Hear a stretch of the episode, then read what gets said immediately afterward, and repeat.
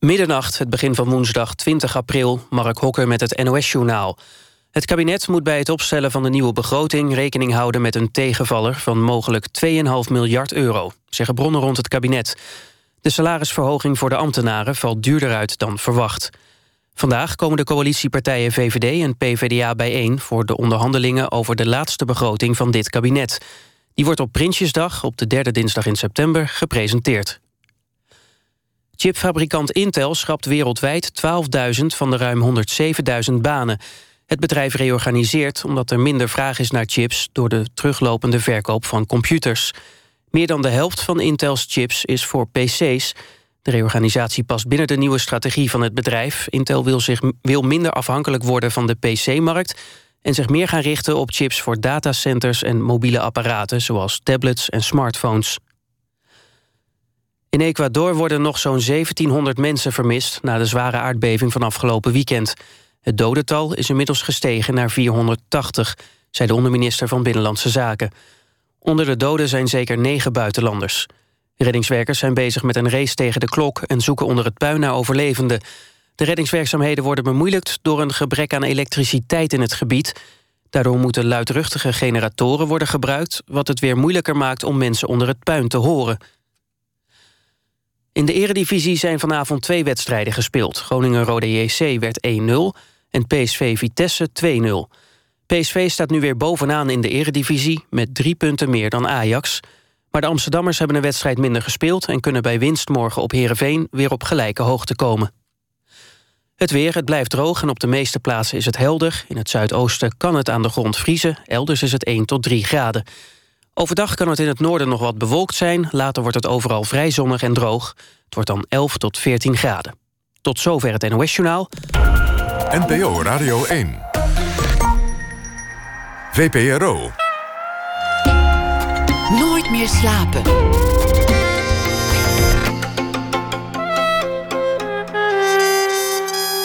Met Pieter van der Wielen. Goedenacht en welkom bij Nooit meer slapen. Erik Jan Harmens schrijft zometeen een verhaal voor ons bij de voorbije dag. En dat zal hij voordragen na ene. We gaan het hebben over eh, voetbal. Short Moussoul komt langs. Hij is voetbalschrijver. Zijn nieuwe boek heet Friet met Van Basten... over zijn fascinatie voor voetbal en voetballers. Douwe Draaisma, bekend hersenwetenschapper, hoort u na ene over inspiratie in het menselijk brein. We beginnen met Sam Dillemans. In Antwerpen heeft hij sinds afgelopen weekende een permanente expositieruimte waar zijn schilderijen te zien zijn. Vele doeken hangen daar. De weerslag van jarenlang elke dag werken werken als een bezetene. Dillemans, geboren in 1965, geldt als een van België's belangrijkste levende kunstenaars. En een overzicht van zijn werk hangt daar in die expositieruimte. Schilderijen van beroemde, soms overleden schrijvers, grote kunstenaars, boksers, landschappen, lichamen, modellen, van alles. Sam Dillemans, hartelijk welkom. Dank u voor de uitnodiging. Uh... Je, zit, je zit iets te doen op een, uh, op een, op een, op een blaadje. Ben je intussen aan het tekenen? Of, uh... Ja, dat is even bezig zijn. Dat, dat houdt mij altijd staande, dus waarom niet? Is dat iets wat je altijd doet, tekenen? Niet altijd, maar het, ja, het, het, is een soort, ik ga niet zeggen ergotherapie, maar het, het, het leidt mij af en het, ik voel me daar goed bij. Ik voel me er altijd thuis bij. Ik heb er ook geen last van hoor. Het is niet een, een, een verwijt, maar ik nee. vind het interessant omdat dat er soms zulke mooie dingen uit jouw pen of kwast kunnen komen. Ben ik, ben ik dan benieuwd hoe, hoe lang dat doorgaat, hoe vaak je dat doet. Of je op ieder moment bezig bent met het. Nee, dat, dat, is niet op ieder moment. Dat zijn momenten die uh, zich aandienen. En uh, ik volg dan mijn natuur op dat moment. Zo eenvoudig is dat. Is het dan ook soms een beetje uh, wat mensen aan de telefoon doen? Doedeling heet dat in het, in het Engels. Dat je, dat je gewoon niet echt weet wat je aan het tekenen bent en kijkt waar je handje volgt? Of heb je altijd een doel? Ja, dan ben ik toch wel aan het uh, doedelingen sinds mijn jeugd, denk ik wel. het is een soort tic nerveux waar ik mij volstrekt in, in, in thuis voel. En waar ik het, het gevoel heb dat ik de wereld kan buitensluiten. Dus ik ben daar eigenlijk heel gelukkig mee. Dat ik die manier heb gevonden om een uitweg te vinden uit de realiteit. Dus ja, bij deze, dat zal gebeuren tot op mijn sterven, denk ik. Ja. Is dat ook uiteindelijk de reden waarom je bent gaan schilderen? Een uitweg uit de realiteit? Een manier Mm. om je te verhouden? Nee, eh, zo problematisch is het absoluut niet. Het is een, eh, van jongs af een, een natuurlijke behoefte om, eh, om te tekenen, om te schilderen. En van waar het komt, och, eh, dat heb ik me nooit niet afgevraagd. Maar die behoefte was, was wel zeer sterk en zeer pregnant aanwezig. Eh, en ik heb die behoefte gevolgd. Ik ben altijd iemand die eh, mijn natuur ja, die niet anders kon, blijkbaar, dan de noodzaken van zijn natuur te volgen. Dus bij deze ook weer, ik heb mij nooit ingehouden om mij volledig te laten gaan daarin. En ik, eh, zoals ik altijd zeg, ik kom daarin thuis en ik kan blijkbaar op die manier op de rem van de tijd duwen, voor mezelf. Ik voel me daar zeer relaxed in. En zeer afwezig ook. En die afwezigheid, die, die troost mij. Ik hoef niet altijd overal aanwezig te zijn.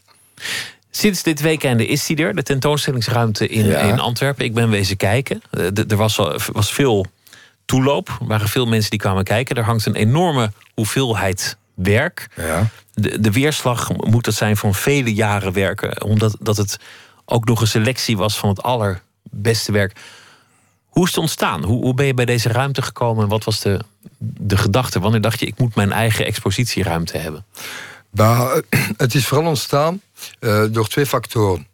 De eerste is dat eh, een breed geïnteresseerd publiek mijn werk op meer regelmatige basis wou zien. Niet om de vier jaar. Hè. Ik, heb, ik heb de gewoonte om de vier jaar, al wanneer een thema uitgeput is, om dat tentoon te stellen. Nu, eh, dan werd ik verliefd op een pand, op 300 meter van mijn werkruimte. En de symbiose was er. Dus nu kon ik tegemoetkomen aan de vraag van eh, toch een breed publiek. En tegelijkertijd heb ik dat pand gevonden op een, op een eh, steenworp van mijn atelier. Een prachtig pand waar ik meteen verliefd op ben geworden, op slag. En eh, ik heb dat niet eh, laten gaan. Ik heb dat niet laten passeren. Ik ben er meteen opgesprongen. Wild enthousiast trouwens. Maar het betekent dat, dat jij zelf op ieder moment alles wat je maakt, of wat je hebt gemaakt, kunt ophangen en dat er publiek is om dat te bekijken. Je bent niet meer afhankelijk van een museumhouder die een bepaalde tentoonstelling met, met, met een thema wil. Je bent niet meer af- afhankelijk van een galeriehouder. Het is geheel in jouw handen wat je, wat je vanaf nu kunt laten zien. Ah, wel ja, dus ik, eh, ik heb nu een beknopt overzicht van mijn werk van 1980 tot, eh, tot vandaag. Dus van de laatste 35 jaar. Maar ik kan volgend jaar eh, een bepaald thema kiezen.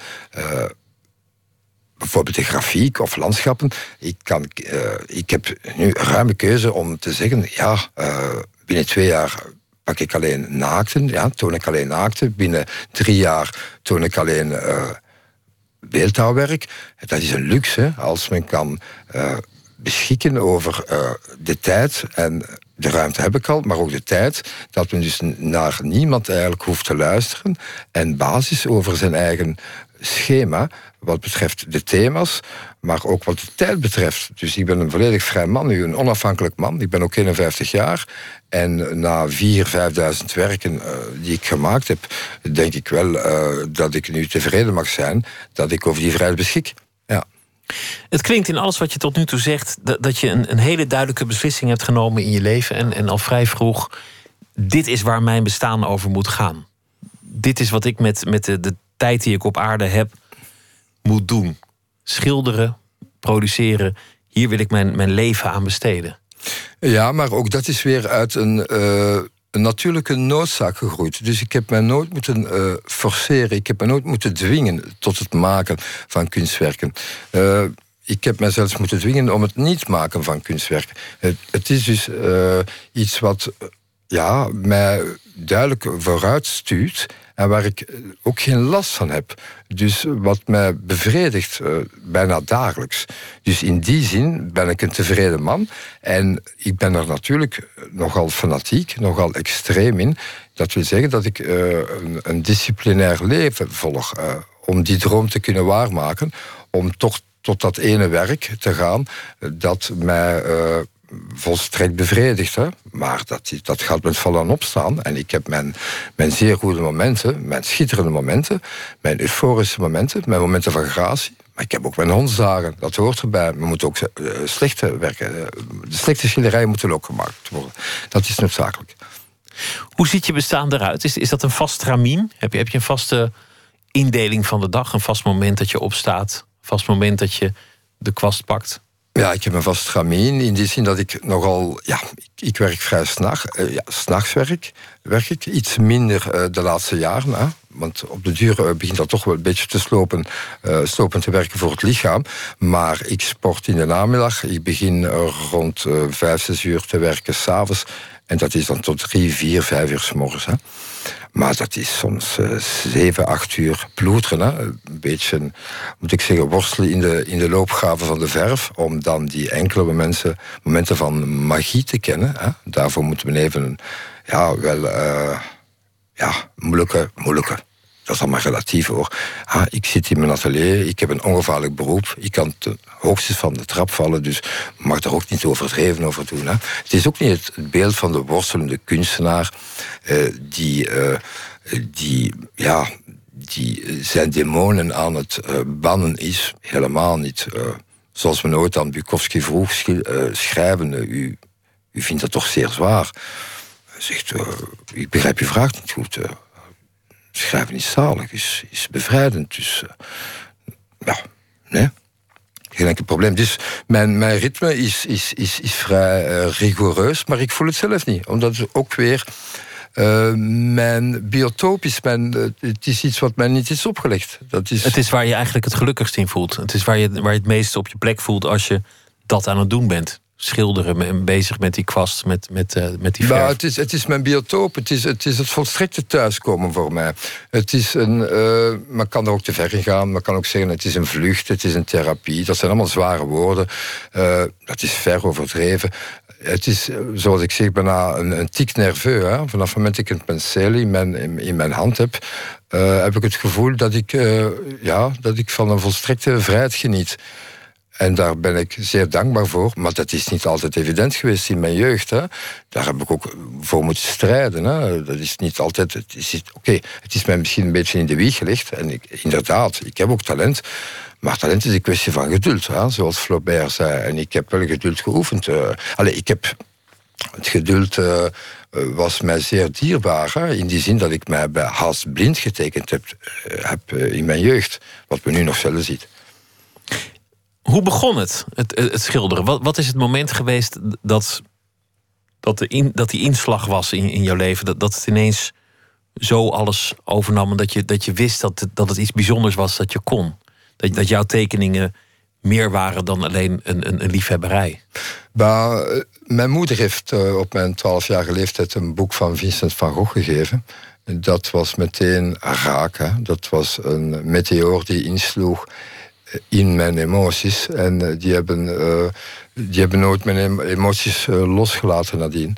En ja, dat was een verpletterende inslag op, op, op, mijn, op mijn heel bestaan. Hè. Ik, ik identificeerde me haast met Vincent van Gogh. En vanaf toen is het natuurlijk in razende vaart voorwaarts gegaan.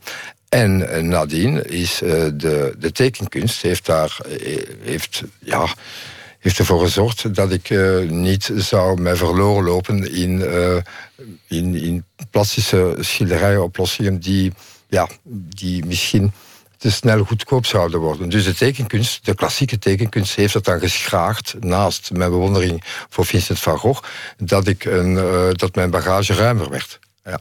Vincent van Gogh is meteen wel een van de, de hele beroemde, hele grote ja. schilders. Het, het viel mij op, lopend tussen jouw schilderijen, dat je vaak in gesprek gaat met, met die iconen van de kunstgeschiedenis. Rembrandt bijvoorbeeld. Ja. Of uh, Ingres. Ja. Of uh, Velázquez of, of, of, of Rubens. Het, het zijn die iconisch beroemde schilders waar jij het gesprek mee aangaat. Ja, ik vind dat noodzakelijk. En dat moet, ik, ik kan het iedereen aanraden, aanbevelen. Uh, in die zin dat zij in, op twee punten zeer belangrijk zijn. Ten eerste, zij weten u meteen te situeren waar je zelf staat als je jong bent. Hè? En dat wil zeggen nergens. Hè? Als men naar Velasquez kijkt en men is 15, 16 jaar, dan beseft men dat men nog heel veel werk voor de boeg heeft. Dat, dat je eigenlijk niks kan als je kijkt naar wat, wat hij op dat moment kon. Ja, en dat is niet onbelangrijk uh, qua uh, les in nederigheid. Hè? Zich situeren binnen uh, de historische context, de kunsthistorische context. Hè. Dus het leven begint niet, het, kunstbestaan begint niet bij de geboorte van mezelf, hè, van zichzelf.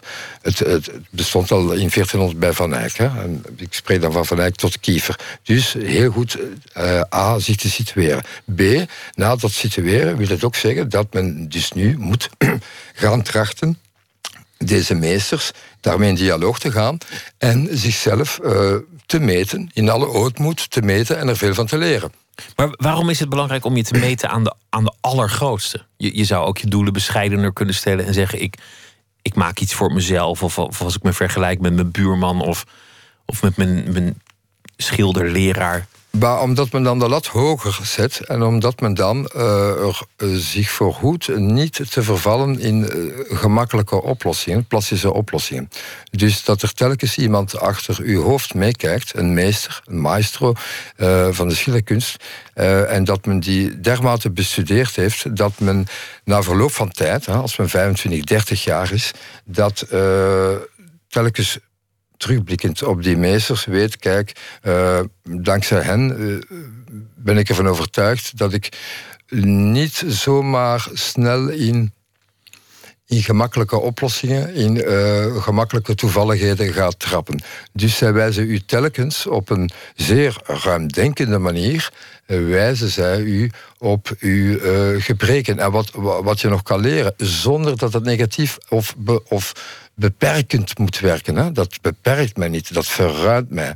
Men gaat ook niet de Mount Everest beklimmen met, uh, in zijn nachtjapon. Men doet dat met een bagage ruim gevuld.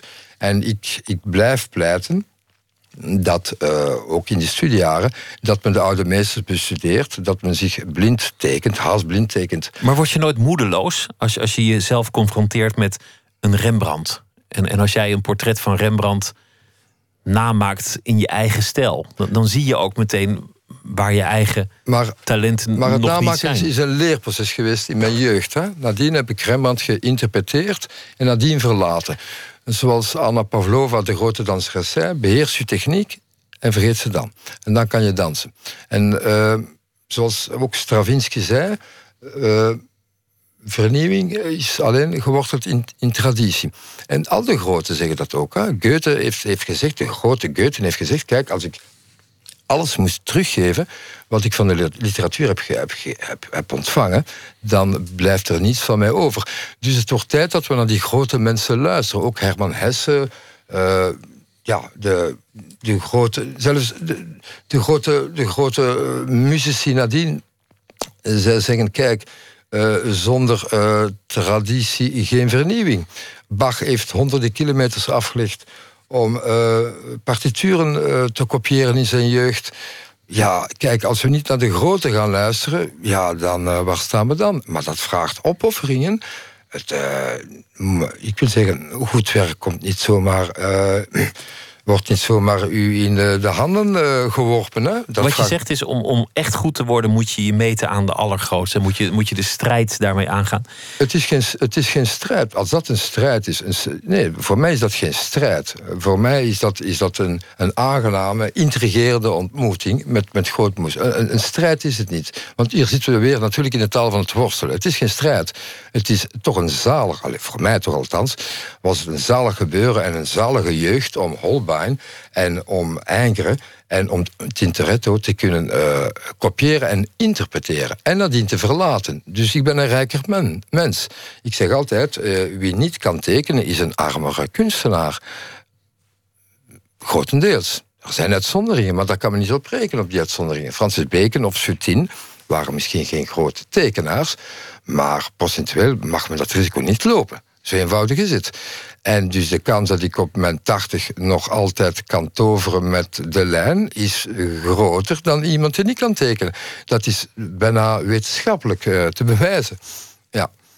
De tijd is natuurlijk maar beperkt voor een kunstenaar. Want je, je noemt nu grootheden, die hebben allemaal maar zoveel jaar geleefd. Ja. En zoveel jaar dingen kunnen maken. Ja. Ik heb de indruk dat jij ook voor de eeuwigheid werkt. Als het even zou kunnen dat je over, over 300 jaar. Uh, iets zou willen vertellen aan een schilder die dan leeft? Ja, maar dat is ook het voordeel van die oude meesters te kennen. En die oude meesters zijn dus jonge meesters. Hè? Dus die, dat is ook een relatief begrip. Hè? Dus als u bijvoorbeeld een vingerkootje bekijkt van El Greco... Ja? En u bestudeert dat, of u vergroot dat op een heel groot scherm... dan gaat u zien dat hij veel revolutionairder is, plastisch... dan veel hedendaagse kunstenaars. Dus alles is relatief in de tijd. En ik denk dat grote kunst ook de tijd overstijgt... en niets met de tijd te maken heeft. En nooit slachtoffer is van de tijd. En boven de tijd staat.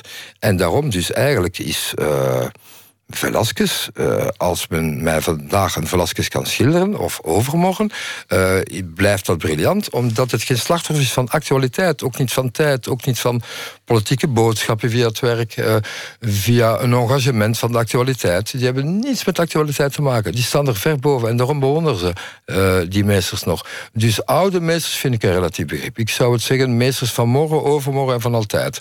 Dus... En, daar, en daar wil je zelf het liefst tussen staan, ook in die in die tijdloosheid. Ja, ja maar meten, dat, dat zou arrogant zijn. Maar ik, ik, het is geen wedstrijd.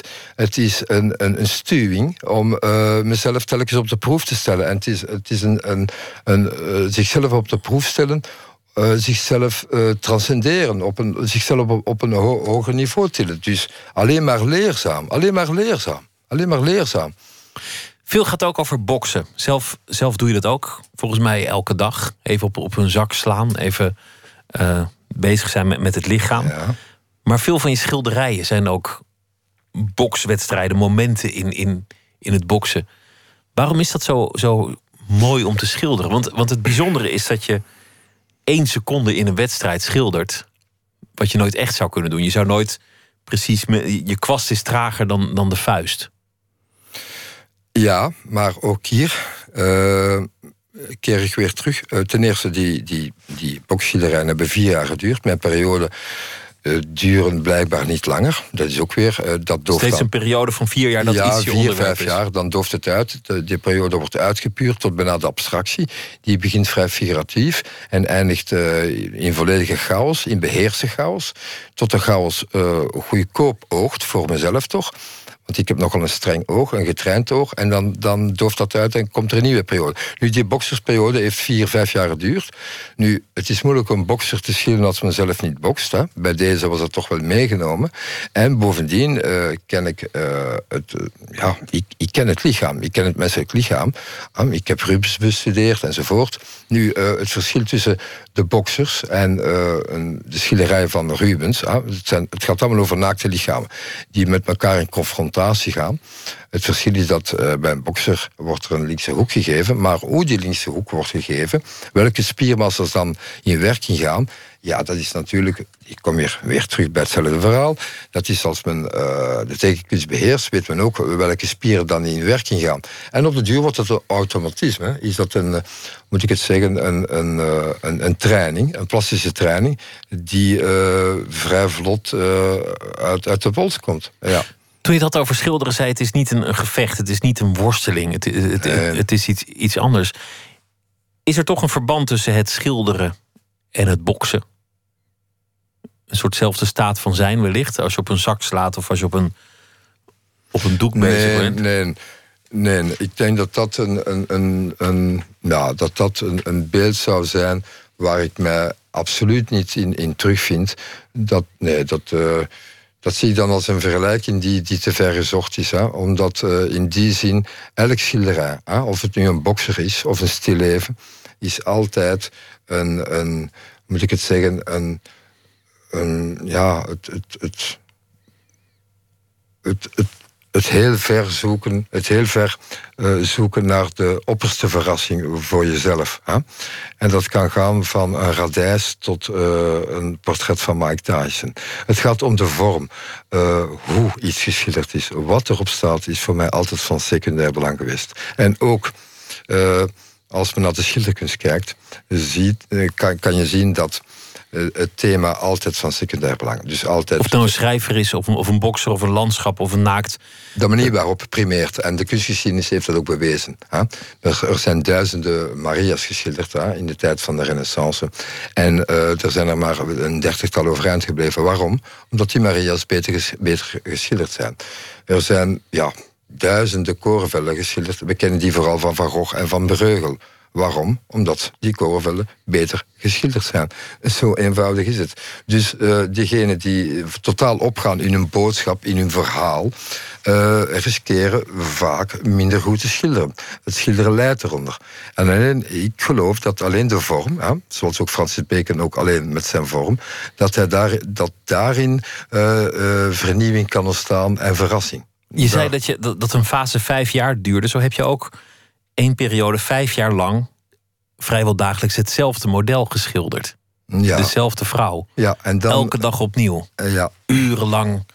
Dan, dan, ken je op een zeker ogenblik iedere porie, iedere ader, iedere vezel van, van het lichaam. Ja, dat is weer een, een, een thema uh, tot op het bot. En dat was nu letterlijk tot op het bot dan uitpuren. Uh, tot, uh, tot ik ermee kon toveren. Hè? Tot ik er plastisch mee kon toveren. Het kwam zelfs zover dat ik het uh, naaktmodel... Uh, dat ik de lichten uitdeed gewoon. En ze moest er zijn. de entiteit was voor mij genoeg. Dus de aanwezigheid van haar was genoeg. Dat, was dan, dat waren de laatste maanden van die vijf jaar. Ze moest er gewoon zijn. En de lichten waren gedoofd. En ik schilderde in het donker op het doek. Maar het is bijna obsessief als je elke dag dezelfde vrouw, exact dezelfde vrouw wil schilderen. Dan, moet, dan moet er ook na vijf jaar van alles gebeuren tussen schilder en model.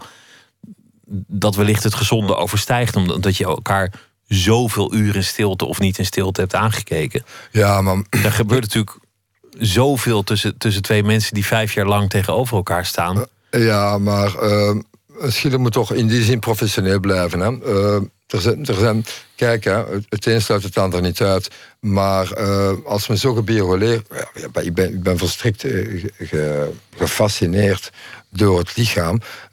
Dat, het, het, dat het alle andere enzymen overstijgt op die momenten toch wel.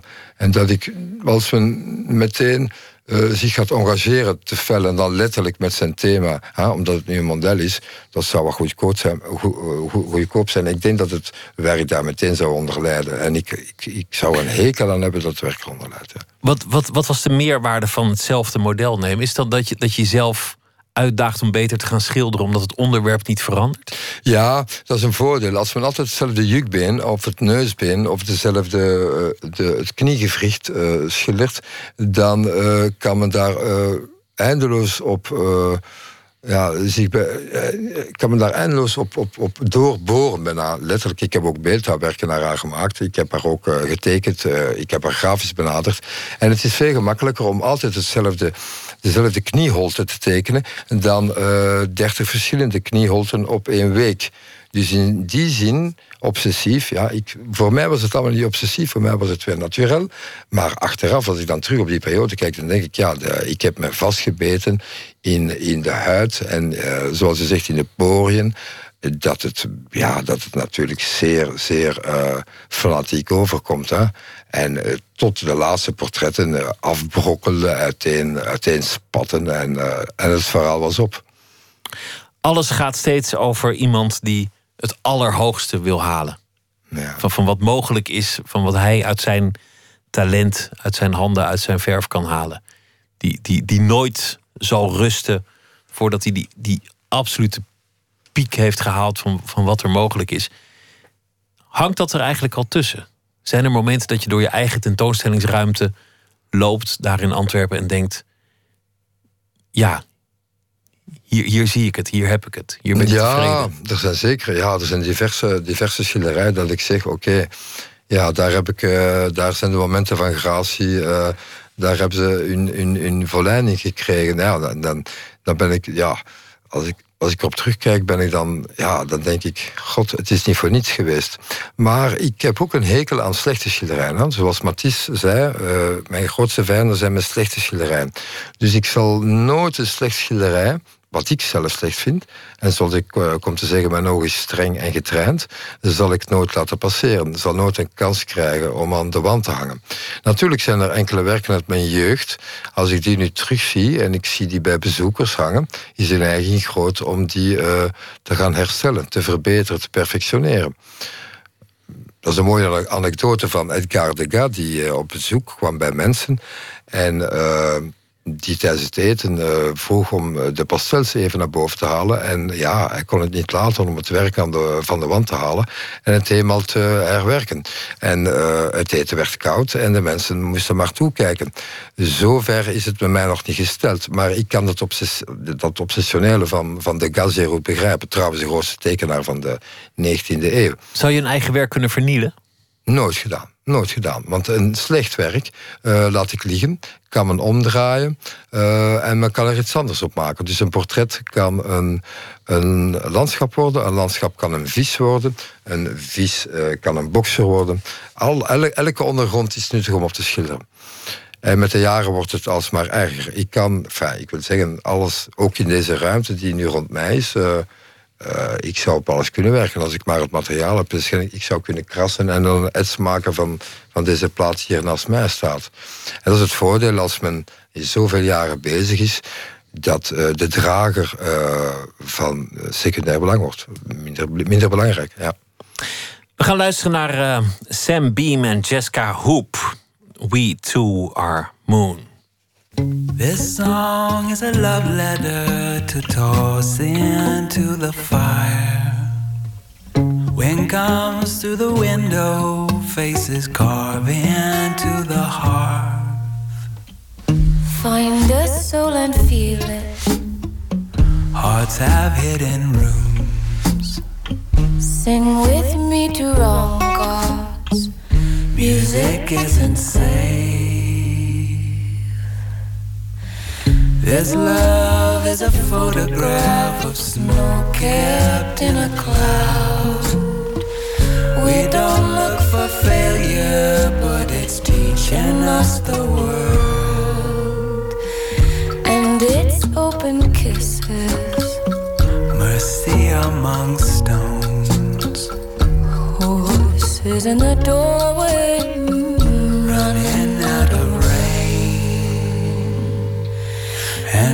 And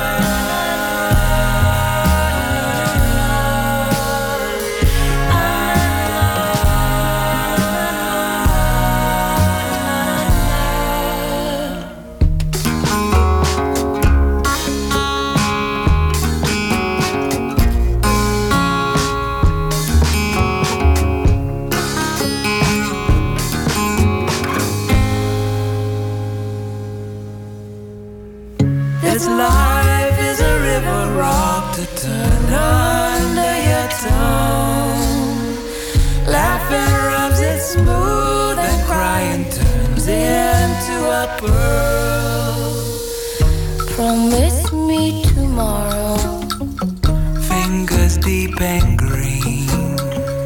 This well's full of water. We two are a Hij is zanger van de band Iron and Wine. Zij voormalig kindermeisje van Tom Waits. Sam Beam en Jessica Hoop maakten samen een album. Dat album heet Love Letter for Fire. En dit nummer heette We Two Are Moon. Sam Dillemans zit tegenover mij. Hij is uh, een van België's belangrijkste kunstenaars van dit moment. Um, heeft sinds afgelopen week einde een permanente expositieruimte in Antwerpen, waar uh, de weerslag van vele jaren werken te zien is.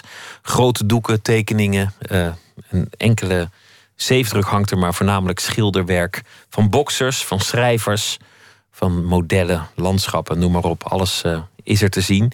Over Sam Dillemans is ook een film gemaakt een aantal jaar geleden, die veel getoond is en veel stof heeft doen, doen opwaaien. En zijn werken zijn moeilijk te krijgen, zeer gewild. En hij is kortom al stevig aan de weg aan het timmeren. We hebben het gehad over jouw bestaan. En dat staat echt in het teken van proberen het beste eruit te halen. Proberen jezelf te verhouden tot die grote schilders. Ja.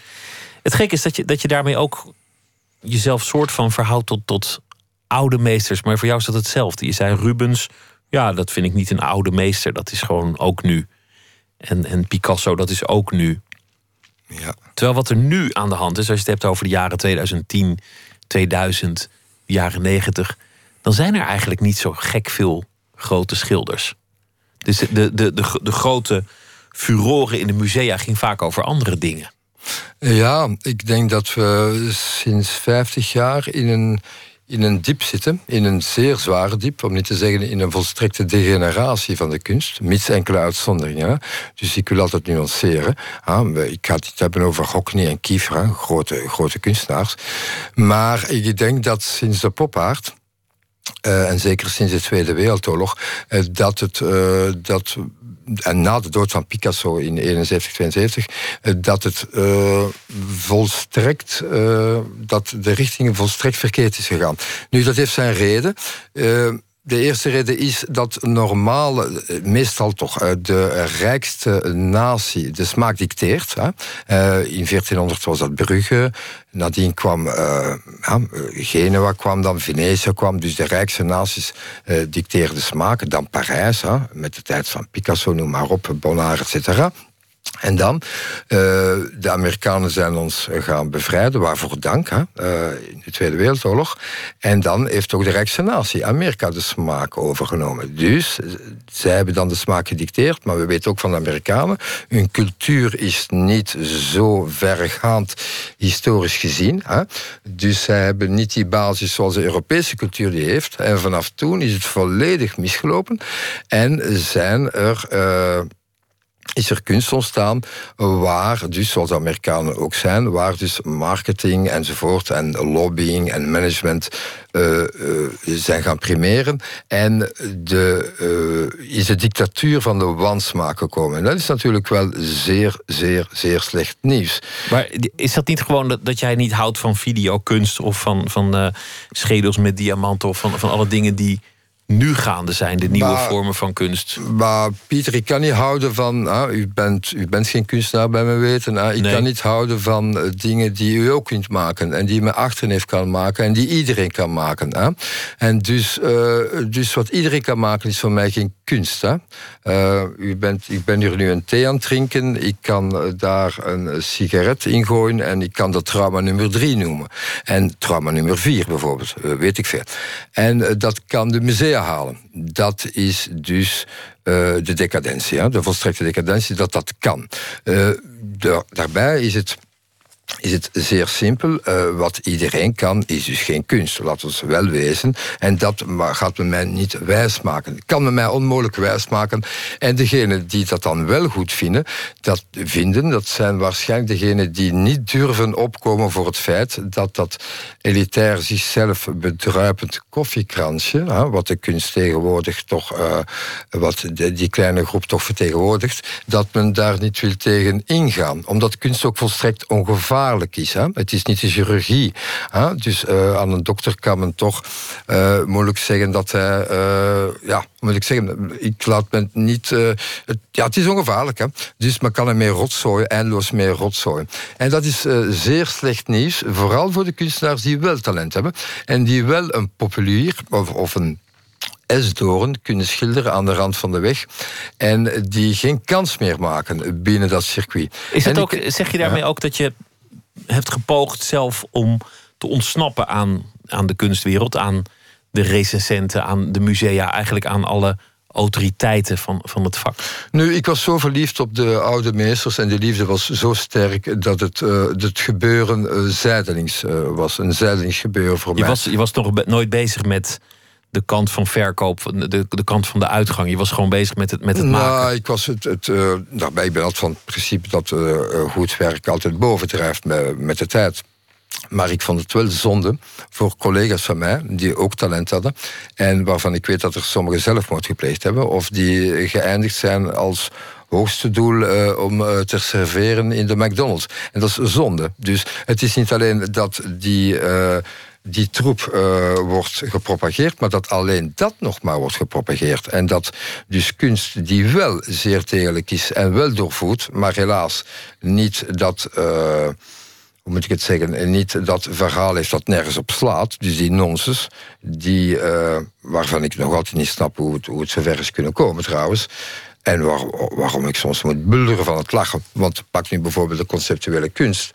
Ik heb s ochtends als ik opsta, ik heb uh, uh, 1300 uh, conceptuele ideeën die een pak grappiger en innoveerder zijn dan de, de werken die ik nu zie.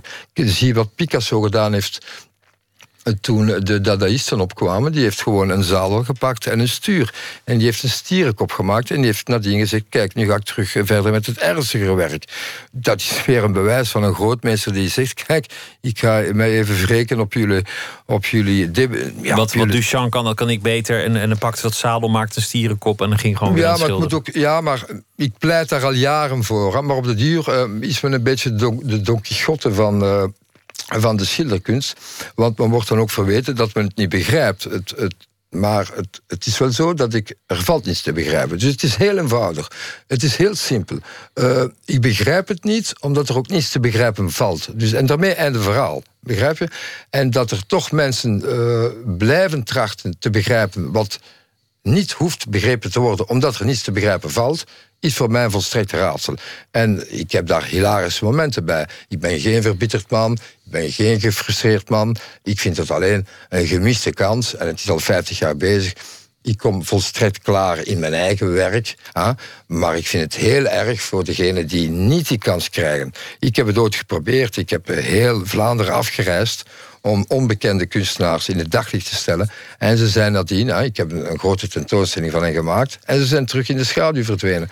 Dus het is ook nog eens een, een, een, een dictatuur van het geen kansen geven aan mensen die het wel verdienen. Dus het wordt werkelijk regelrecht eigenlijk een beetje misdadig naar mensen uh, die het wel degelijk goed kunnen. En daar dat, is, uh, dat is duidelijk. Ja. Ik wil het nog hebben over uh, een aantal andere dingen in je leven. Je bent uh, opgegroeid in Leuven. Je, je vader die werkte daar aan de uh, universiteit. Ja. relatief jong dook je in de schilderkunst. Ja. Vanaf een jaar of veertien was duidelijk dat dat je leven ging worden. Je hebt daar vanaf dat moment fulltime in gewerkt. Toch had je moeite aan de academie om je, om je plek te vinden. Je bent, bent een aantal keer gewisseld van academie. Je, je voelde je niet altijd thuis bij degene die jou dat vak moesten onderwijzen? Ja, omdat men het ook niet meer uh, kon. Dus uh, het werd de, tekenkunst, zoals ik ze toch zag, werd niet meer onderwezen. Omdat men uh, niet meer beschikte over de kennis om het te onderwijzen. Dus ik was een ontgoocheld man. Ik kwam daaraf met de liefde van Veronese, met de liefde van Vincent van Gogh. Maar als men natuurlijk daar als men daar doseert eh, hoe men Jozef Beuys uh, moet uh, trachten te interpreteren, ja, dan kom ik van een kale ruis terug. Ja? Dat kan ik thuis ook. En maal zeven en beter. Dus... Maar hoe ging dat? Dan zit, dan zit je als jong talent in een gerenommeerde kunstacademie. Ja. Dan is daar iemand die daar dat moet gaan onderwijzen, zei je dan na drie lessen. Ja, nee, eh, schiet eens op. Of, of jullie ja, niks van. Ik, ik achtervol, nee, ik, ik had naakt model. Dus ik zocht alleen de naakte modellen op. Hè. Ik kon, ik kon de, de naakte modellen niet betalen. Dus ik ging van één naakt model naar de andere. Hè. Dus er was nog wel, uh, er werd lesgegeven in naaktmodellen. En dus uh, ik volgde alleen de lessen van naaktmodel, zodat ik uh, mijn ding kon doen. Maar voor de rest uh, luisterde ik niet naar wat er werd gedoseerd. Hè? Want ook het naakmodel uh, werd uiteindelijk, was uiteindelijk een, een, een les in die zin. Het was veel te oppervlakkig naar mijn inzien. Het naakmodel werd niet gepredikt zoals ik het zag, zoals men dat zou moeten doen in de renaissance. En ooit heb ik zelf les gegeven en bij, bij mij, de leerlingen, ik had er aanvankelijk dertig, die moesten toch wel uh, uren uh, werken aan een wenkbrauwboog. En op het einde van het jaar had ik nog maar drie studenten. Maar die hadden dan wel een dubbel A. Want je moet, je moet die wenkbrauwboog of, of dat jukbeen of, of dat kuiltje in die kin... daar, daar moet je uren, zo niet dagen aan besteden. Zoals je zelf vijf jaar één model elke dag ja, hebt geschilderd. Ja, maar het, het, het, het, is niet ziekelijk en het is eng. Hè? Eenmaal, eenmaal dat men zich in, deze weer, in die wereld begeeft, hè, van dat detail, uh, gaat, gaat er een nieuwe wereld open. En dat is de, de wereld van de volledige vrijheid. Natuurlijk, dat vraagt, dat vraagt enkele opofferingen. Maar nadien uh, voelt men dat men alle wegen, dat men kan toveren. Hè? Picasso op zijn twaalfde tekende zoals Raphaël. Hè? Dus ik was daar voor mij was dat de normaalste zaak ter wereld. Hè. In de renaissance was dat ook normaal. Dus uh, daaraan zag ik al dat men al ver afgedreven was van de basis van het tekenen. Wat uh, voor mij dan de leidde tot de conclusie dat ik alleen maar hier kom dus om naakten te tekenen en weg te wezen en thuis te komen en de oude meesters te bestuderen. En daar was de verloedering al gaande. Ook al was er een het werd op een zeer oppervlakkige manier uh, gedosseerd. Hè. Dus we moesten bijvoorbeeld op tweertijd een naakmodel tekenen op een blad van drie meter. Zelfs Picasso zou het daar moeilijk mee hebben. Of men schets. Het woord schetsen is ook een zeer gevaarlijk woord. Moet goed weten, ik ben een man die graag had gepleit voor een soort Oxford Cambridge uh, school van het tekenen. Men tekent tot zijn 18 jaar. Van mijn 12 tot zijn 18 tekent men zich haasblind. In het weekend doet men wat men wil. Men tekent, men schildert met piek, men experimenteert, men maakt 16 video's als men zich verveelt tot daartoe. Maar men tekent wel 40, 50 uur de week. En dat doet men tot 18 jaar, hè, tot zijn 18 jaar. En dan is men een vrij man. Men is nog zeer jong en men kan alle kanten op. Maar wat een rijk man men dan is, om dan te experimenteren in welke vorm dan ook. Hè.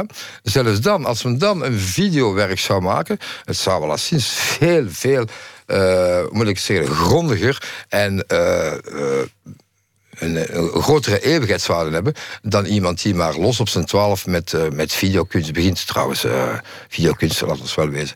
Maar hoe dan ook. Dus ik, ik geloof pleit... niet dat het, dat het heel erg nou, ik jou, jouw dus... liefde is, de, de, de, de ja, videokunst. Maar, dus, maar daarom is het nu ook, excuseer dat ik onderbreek, Pieter, is het ook onmogelijk om nu te gaan verwachten uh, dat we grote tekenaars gaan krijgen. Hè? Dat gaat nog één of twee generaties duren.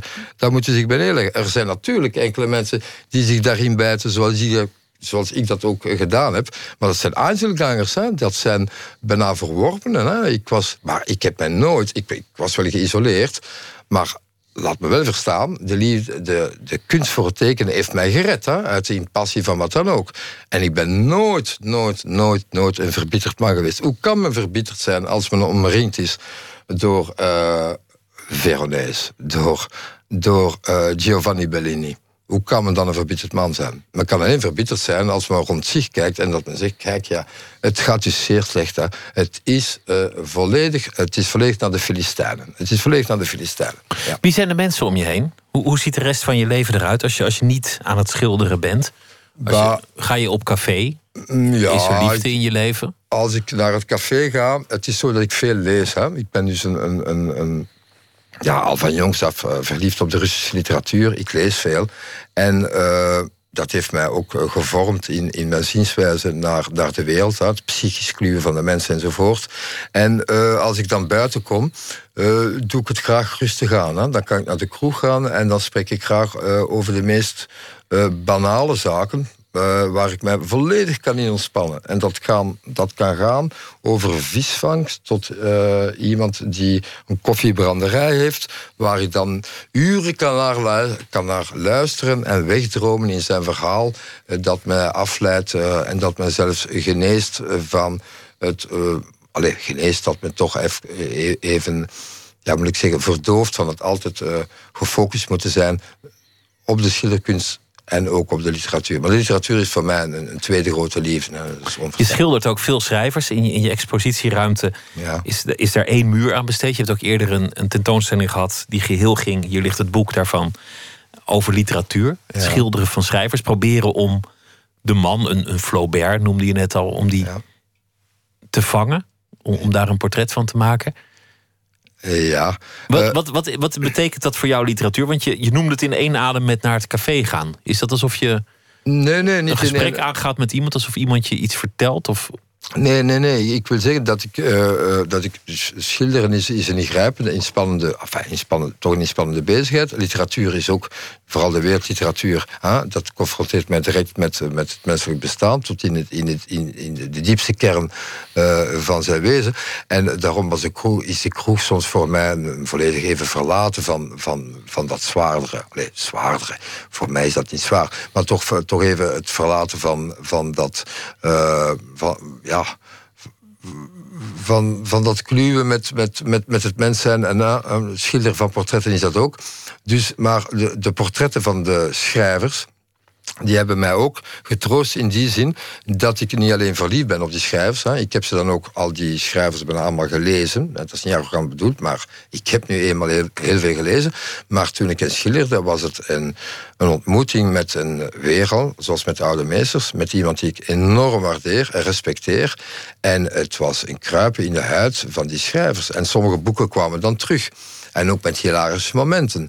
Zoals eh, de boeken van uh, Mordecai Richler, de bekentenissen van Barney of, of Steve Tessig, uh, Caro.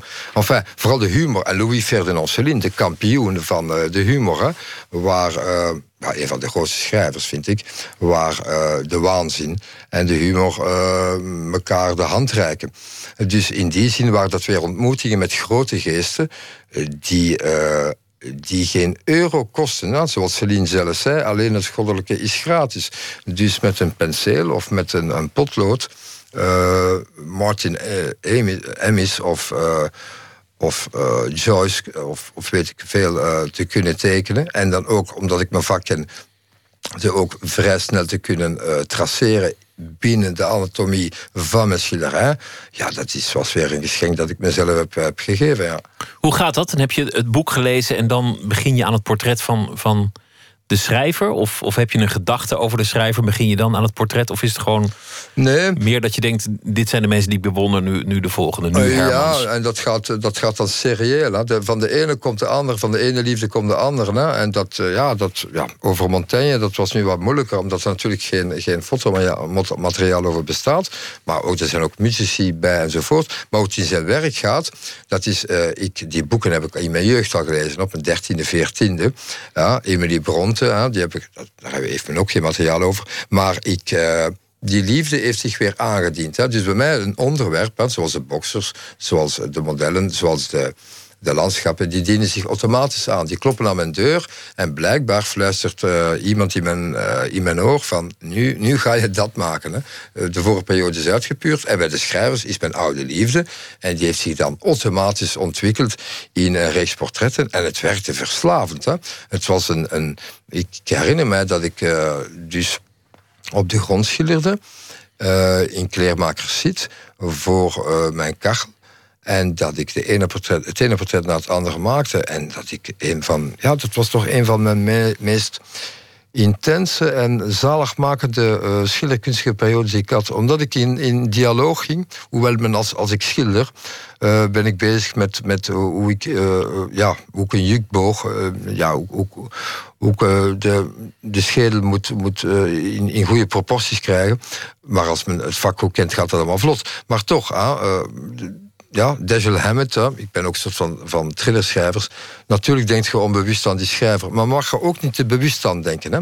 Bovendien heeft, want dan is men te veel betrokken en riskeert men slachtoffer te worden van uh, een uh, tekort op de huid zitten. Maar er zijn ook schrijvers zoals uh, Samuel Beckett, hè. er zijn ook schrijvers bij waar ik minder voeling mee heb, maar die een dermate dankbaar hoofd hebben dat ik, uh, dat ik het niet mocht mislopen. En zo heeft Anton Chekhov heeft een portret, ja, heeft een hoofd van een onderwijzer in het achterland, hè, die niets te vertellen heeft, maar men weet wel dat men Chekhov aan het maken is. Hè. Dus uh, ja, er zijn zeer banale hoofden bij eh, van geniale mensen. En er zijn zeer ingrijpende hoofden bij van schrijvers waar ik uh, mij minder thuis bij voel. Maar die heb ik dan ook gemaakt. Ja. Hoe lang wil je nog leven eigenlijk? Hoe lang? Wil je nog leven? Als je het voor het zeggen had. Heb je, heb je daar een beeld van? Hoe, hoe oud je zou willen worden? Maar hoe oud ik zou willen worden? Dan kan ik weer al, ja, hoewel ik het niet graag doe, hè, dan zou ik graag, uh, ja, zoals Hokusai zei, ik zou graag op mijn 110 dat de lijn perfect is. Hè. Uh, een bekend citaat van Hokusai. Hè. Omdat je zo bezig bent met de eeuwigheid en jezelf ja. verhoudt in het, in het licht van eeuwen, denk je ook in tijd? Denk je nog van, nou, zoveel, zoveel schilderijen zal ik nog maken? Zoveel periodes zal ik nog doormaken? Ja, nee, ik denk daar niet aan. Want de periodes dienen zich automatisch aan mij aan. Die, die, die, dienen, ja, die kloppen aan mijn deur, zoals ik eh, net kom te zeggen. Bovendien heb ik al zoveel gemaakt dat ik ook dat is niet arrogant bedoeld, dat moest ik morgen de pijp uitgaan, ik toch al een heel uiver achter mij heb, vind ik. Hè? Dus als ik, ben, ik ben bezig van mijn 12 fulltime, ik ben nu 51 jaar. Hè? Ik denk dat ik kan een 4, 5000 en dan, dan, dan ga ik het nog niet hebben over de grafiek, maar mag ook niet in aantallen spreken. Hè? Maar toch, uh, Picasso had 50, 60.000 werken gemaakt. Dus als ik, als, als ik morgen de pijp uit ga, eh, dan eh, ga ik de pijp uit met eh, toch een, een, denk ik toch een, een, een, een, een, een ja, een pregnant rooksignaal. Maar gaat toch de rook zien uit de schouw komen, denk ik, ja. Denk het wel. En ik bedoel niet arrogant, ik ben geen arrogante jongen. Maar je tracht altijd wel de zaken rechtvaardig en rechtuit te zien. Ja. Dan is het bestaan niet voor niks geweest, want dan heb je iets nagelaten. Inderdaad, ja. Maar dat is dan. ik heb voor mezelf iets nagelaten. Niet, en, niet voor de wereld, niet voor anderen. Ja, maar ik heb ook eh, een heel pak mensen toch al troost geboden met mijn werk. Maar als men denkt, men maakt geen schilderij om de mensen troost te bieden. Want dan gaat het niet lukken. Hè? Het belangrijkste is dat men zichzelf eerst troost. En dan kan de troost ook aan de overkant komen. Hè?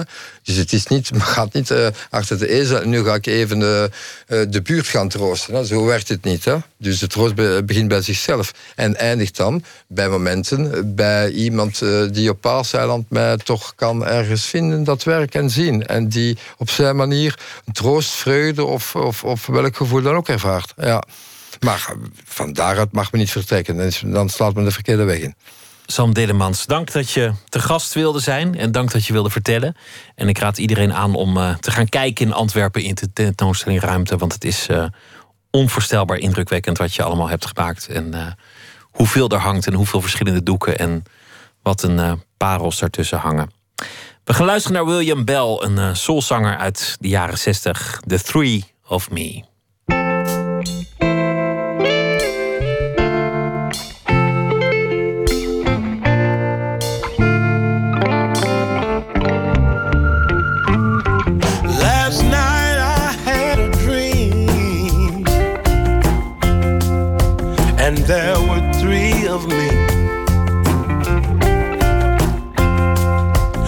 Was the man I was, the man I am, and the man I want to be.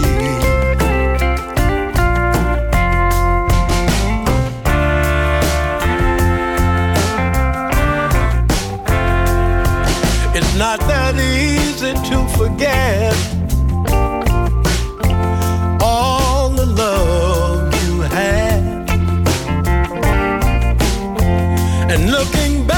the man I was. Makes the man I am so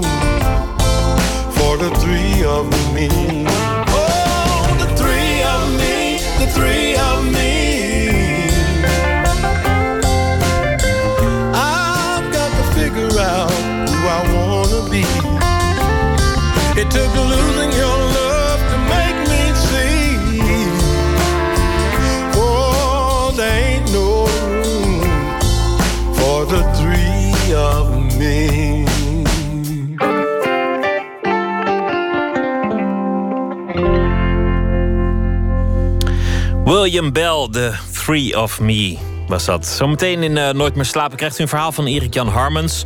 Sjoerd Mossou die komt langs om te vertellen over zijn uh, voetbalboek... Friet met Van Basten. En uh, u hoort ook iets over inspiratie van psycholoog Douwe Draaisma... over de herkomst van ideeën. Is het eigenlijk erg als iets van een ander blijkt te komen, bijvoorbeeld.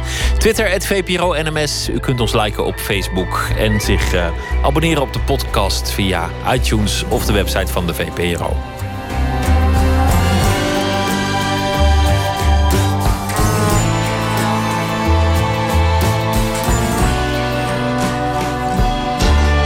Radio 1, het nieuws van alle kanten.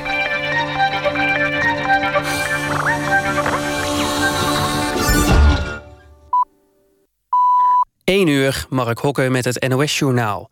De Franse antiterreureenheden zijn bij een terroristische aanslag... voortaan binnen 20 minuten ter plaatse. Dat belooft de Franse minister Cazeneuve van Binnenlandse Zaken. De terreureenheid van het leger krijgt er vier kazernes bij... die van de politie drie. Bij de aanslag in de Bataclan-concertzaal van 13 november... duurde het 40 minuten voordat de antiterreureenheid van de Franse politie ter plaatse was. Chipfabrikant Intel schrapt wereldwijd 12.000 van de ruim 107.000 banen. Het bedrijf reorganiseert omdat er minder vraag is naar chips... doordat er steeds minder computers worden verkocht. Meer dan de helft van Intels chips worden gemaakt voor pc's. De reorganisatie past binnen de nieuwe strategie van het bedrijf... Intel wil zich meer richten op chips voor datacenters en mobiele apparaten... zoals tablets en smartphones. De politie heeft tientallen fans van ADO Den Haag uiteengedreven... die op weg waren naar een hotel waar volgens hen ADO-eigenaar Wang Hui verbleef. Ze wilden verhaal halen bij de Chinees... die gisteren ADO-directeur Wicht ontsloeg. Wang heeft verder nog altijd niet de 3,7 miljoen euro betaald... die hij bij de overname van de club had beloofd. Toen de fans richting het hotel liepen, greep de politie in. De hoteleigenaar zei later dat hij niemand met de naam Wang op de gastenlijst heeft... en ook geen andere naam waarvan hij denkt dat het de Chinees zou kunnen zijn. PSV staat weer bovenaan in de eredivisie. De Eindhovenaren wonnen thuis met 2-0 van Vitesse... dankzij doelpunten van Prupper en De Jong. Ajax kan morgen weer op evenveel punten komen... als het wint uit bij Heerenveen. Er was vanavond nog één andere wedstrijd. Groningen won thuis met 1-0 van Roda JC. Het weer, het blijft droog en op de meeste plaatsen is het helder. In het zuidoosten kan het aan de grond vriezen. Elders is het 1 tot 3 graden. Overdag in het uh, noorden nog wat bewolking. Later wordt het overal vrij zonnig en droog. Het wordt 11 tot 14 graden. Dit was het NOS Journaal. NPO Radio 1. VPRO. Meer slapen.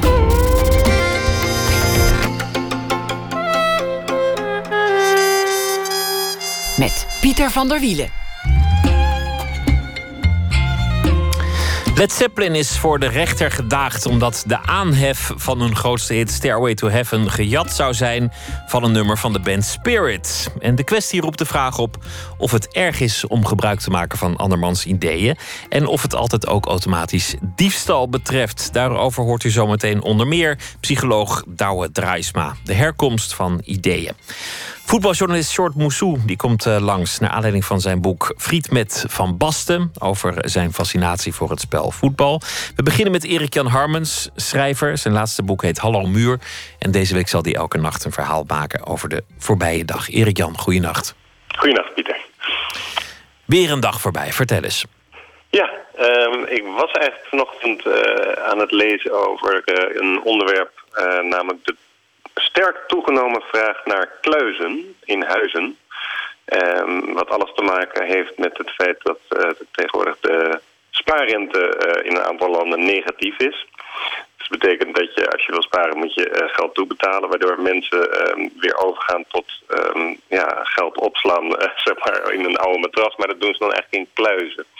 Um, en dat is in Japan is dat nu, dat noemen ze als squirrel, squirreling. Net als uh, van die eekhoorns, zeg maar, die van die pindaatjes uh, bij elkaar verzamelen. Dus het leek me een geweldig uh, onderwerp, maar ik heb er alleen niet over dat onderwerp een verhaal gemaakt. Maar het was wel een nieuws wat mij vandaag Ja, de, de brandkast. Ik moet dat meteen aan Donald Duck en de zware jongens denken. Ja, precies, precies. Ja, met zijn geldpakhuis. Ja, ja, ja, ja. ja.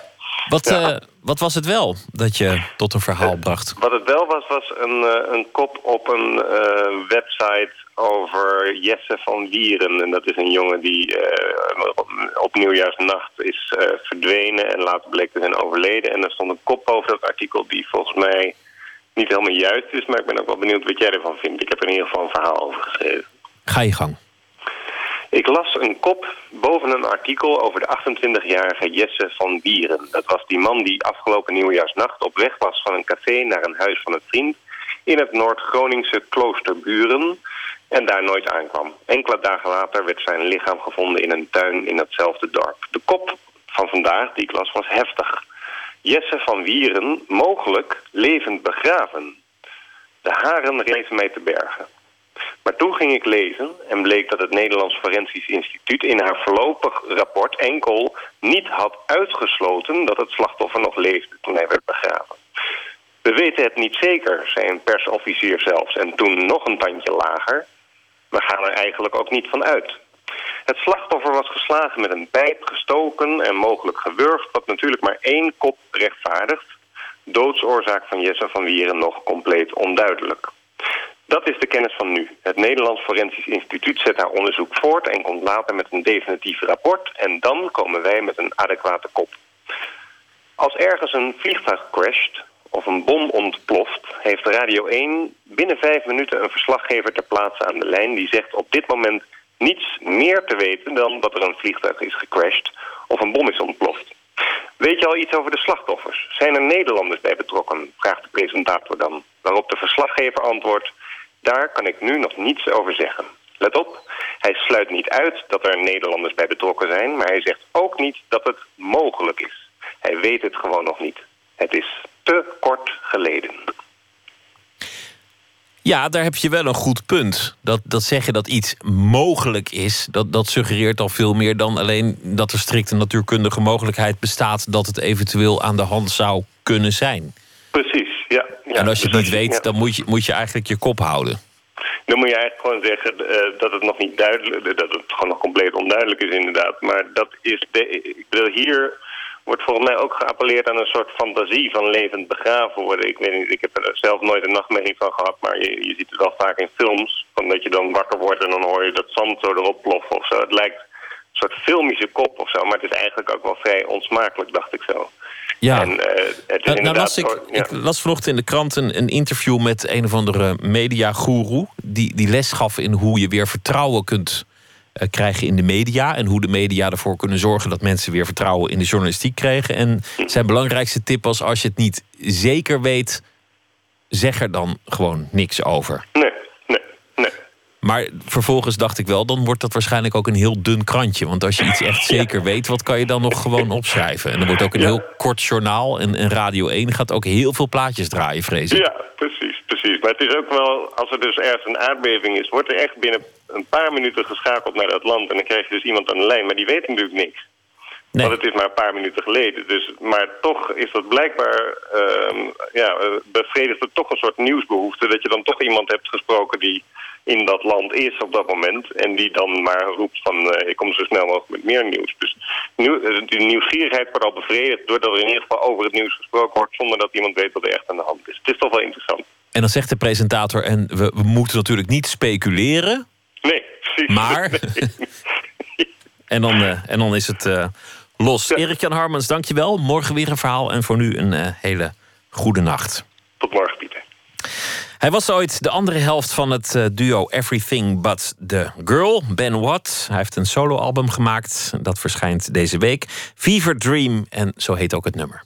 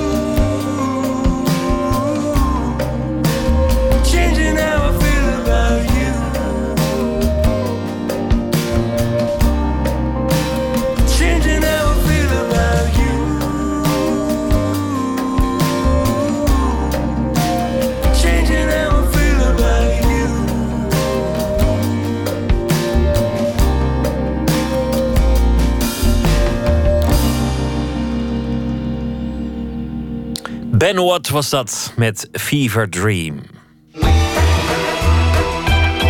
Nooit meer slapen.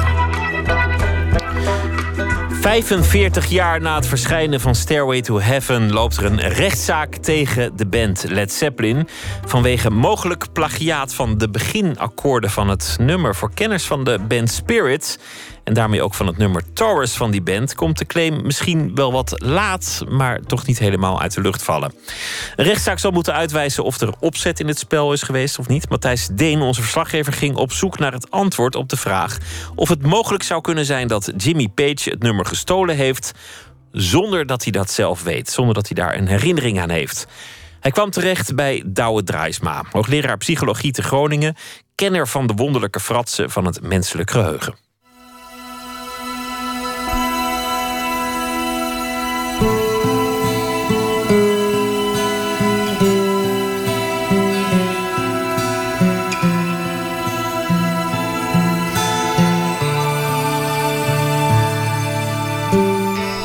Taurus. De gitarist Randy Wolf, Randy California... en zijn chromatisch aflopend kleine A-akkoord. Waarvan de tragiek hem daarin zit dat mensen die het horen geneigd zijn te denken... hé, hey, het lijkt een beetje op Stairway to Heaven. Terwijl er bijna niemand is die, als hij dit hoort, denkt... hé, hey, dat lijkt op Taurus van Spirit. Zo verging het ook schrijver en kenner van het menselijk geheugen Douwe Drijsma. Die nota bene Spirit nog heeft zien optreden in Leeuwarden. Ja, absoluut. Mijn vrouw zette het gisteren op en ik dacht... hé, hey, uh, dit uh, klinkt als het intro, intro van uh, Stairway to Heaven. Maar daarna liet zij horen dat ook Bach dit motief al gebruikt had... en dat er eigenlijk een hele serie nummers zijn waar dit motiefje in loopt.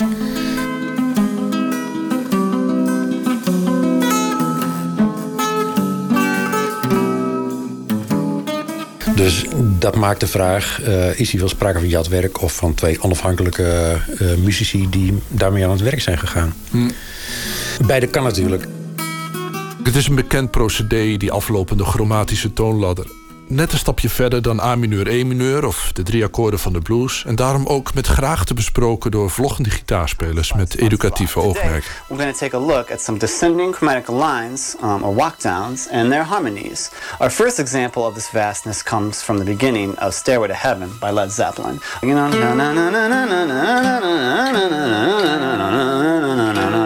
Anyways, you know what it sounds like. Je kan het ermee afdoen dat het een bekend procedé is dat velen hebben gebruikt. Maar dat is in dit geval net een stapje te kort.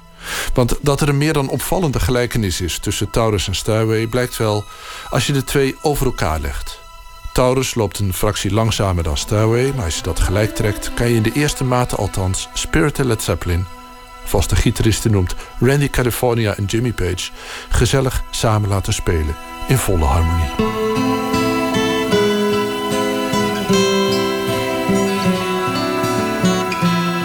De zevende achtste maat loopt het even uit de pas. Maar dan trekt het weer zes maten samen op. Voordat de nummers voorgoed uit elkaar gaan. De gedachte is nu dat Jimmy Page, toen hij eind jaren 60 met Led Zeppelin voor Spirit opende, dat nummer Taurus, een afwijkend nummer in het oeuvre van Spirit, zo vaak gehoord heeft dat hij het, bedoeld of onbedoeld, bewust of onbewust, heeft bewerkt tot Stairway to Heaven. Van zaken die Jimmy Page trouwens altijd ontkend heeft. Jimmy Page die kan het ook volkomen de goede trouw hebben gedaan.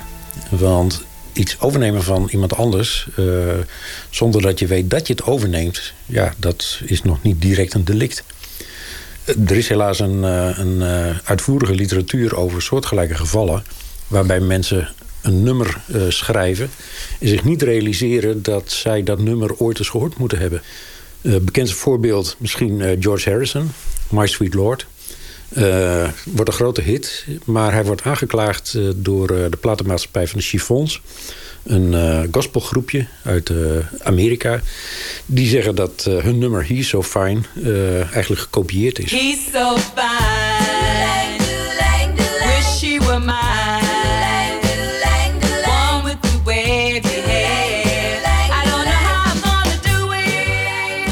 En helaas voor George Harrison, uh, hij heeft een half miljoen uh, moeten afrekenen. En op laatst was hij het zo zat dat hij die hele platenmaatschappij heeft uh, opgekocht. He's a soft-spoken guy. Also seems kind of shy. Freud heeft een keer geschreven dat hij bedacht had... en dat schreef hij in een brief aan een vriend... dat ieder mens zijn leven begint als biseksueel.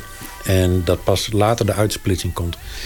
En toen kreeg hij een verontwaardigde brief terug van die vriend. Uh, dat zei notabene twee jaar geleden had hij dat tegen Freud gezegd. Tijdens een wandeling. En toen moest Freud er niks van weten. En nou moet hij lezen in die brief dat Freud op dit idee is gekomen.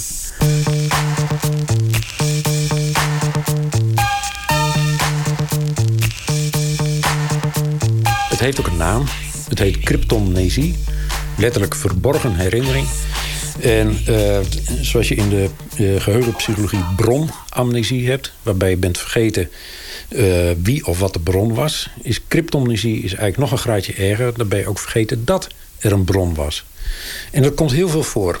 Als ik bij lezingen vraag van... hebt u wel eens collega's meegemaakt... die wel uw idee kunnen onthouden... maar niet dat het uw idee was? Dan gaan er overal handen in de lucht. Want iedereen heeft meegemaakt dat, dat je met een idee kwam tijdens een vergadering. Uh, en dat uh, een paar weken later iemand met precies hetzelfde idee komt... en echt niet meer weet dat jij dat al eerder gesuggereerd hebt.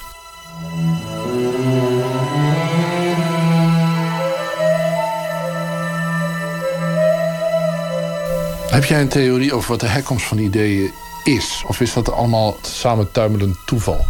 Nee, het is geen toeval. Uh, dat komt omdat bij, bij ideeën zijn verschillende soorten van geheugen betrokken.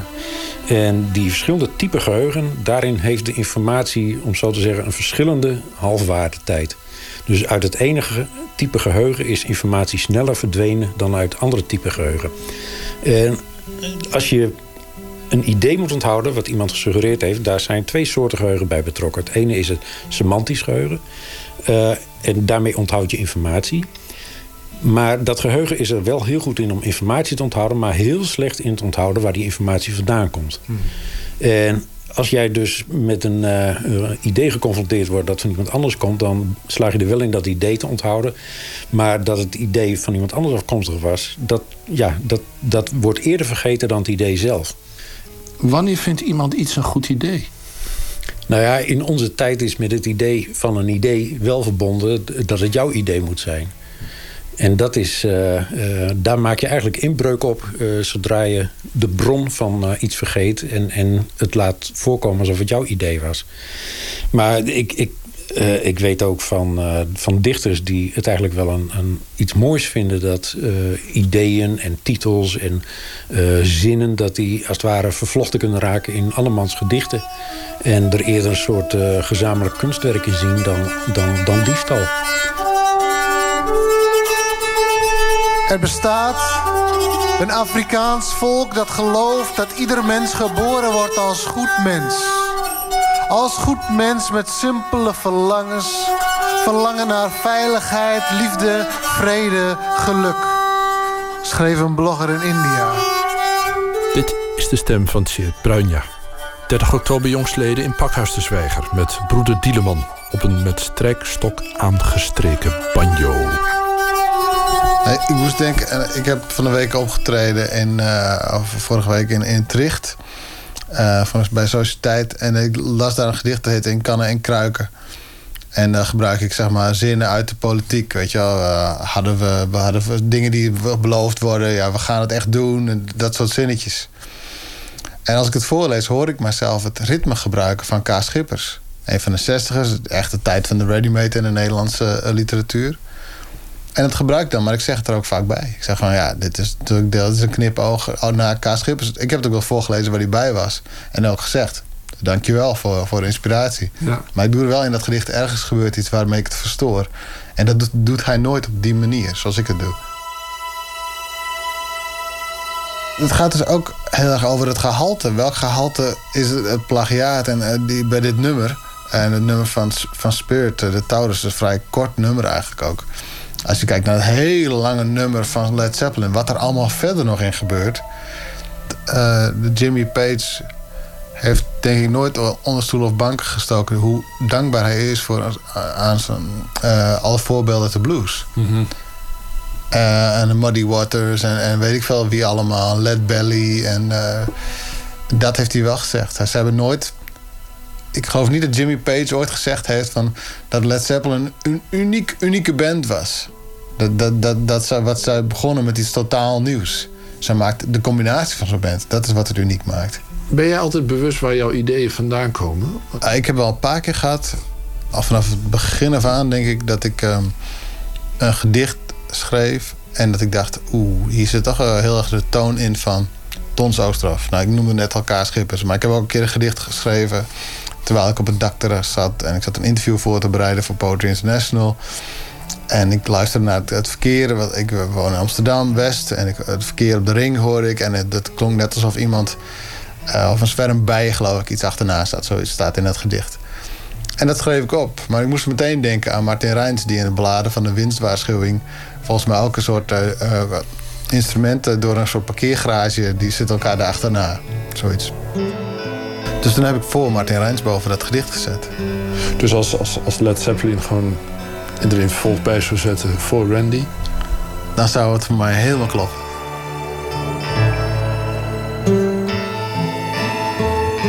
Gitarist Randy California van Spirit zou dat gebaar trouwens niet opmerken. Hij verdronk in 1997 in de zee van Hawaii... toen hij zag dat zijn zoontje van 12 gegrepen werd door een grondzee. Hij zag kans zijn zoon naar het strand te duwen, maar werd zelf de diepte ingetrokken. De rechtszaak is er ook niet aangespannen door hem, maar door de trust die zijn nalatenschap beheert. De baten van die trust gaan naar de Randy California Project. Dat is een initiatief dat er zich voor inspant dat achterstandskinderen muziek leren maken.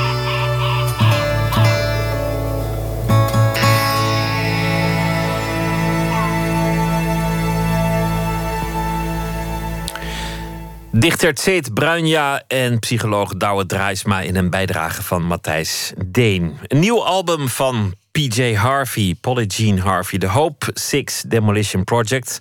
Een plaat waarop zij de condition humaine gaat bezingen. En dat kan natuurlijk niet altijd leiden tot vrolijke liedjes. Ze is als een soort verslaggever getrokken van Washington naar Kabul. In dit eh, nummer gaat het over de problemen van blauwhelmen op de Balkan. A line in the sand.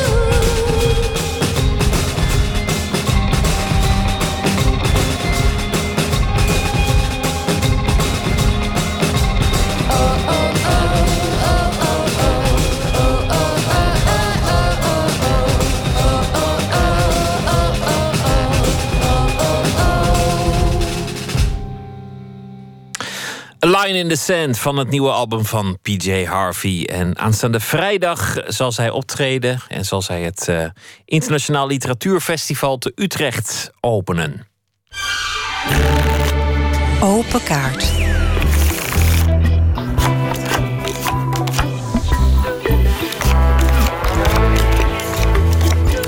Welkom uh, Sjoerd Mossou, journalist, sportjournalist en columnist bij het Algemeen Dagblad. Hij heeft een, uh, een boek geschreven, Friet met Van Basten. Een selectie van uh, korte verhalen en stukjes over het voetbal. En dan ook vooral over de voetballers. Onder meer over Van Basten, zoals de titel suggereert. Maar ze komen er eigenlijk allemaal in voor. Kruif, Huntelaar, noem het maar op. Uh, over zijn fascinatie voor de wereld van het voetbal en alles daaromheen. En vooral de personages in die wereld van het voetbal. Altijd al voetbalfan geweest? Van ja, kind af wel, aan? Van, wel van kind af aan, ja. Dat, eh, dat is toch wel iets wat je van jongens van meekrijgt. En ehm is eigenlijk nooit weggegaan. Ik heb een beetje geluk gehad. Ik ben van 78, dus in 88, toen we alles wonnen in Nederland, met Nederland, was ik een jaar of tien. En dat is natuurlijk een beetje de leeftijd waarop je alles onthoudt. Dat alles eh, echt binnenkomt. Ehm, en misschien heeft dat ook wel geholpen. Wordt die fascinatie minder als je er meer vanaf weet en als je ook professioneel meer ermee bezig bent? Dat je voetballers gewoon een keer hebt geïnterviewd of ontmoet. Als je langs een andere ingang het stadion binnenkomt en dat je toch ook aan het werk bent. Als je wedstrijden al zo vaak geanalyseerd hebt dat je ze een beetje gaat doorgronden.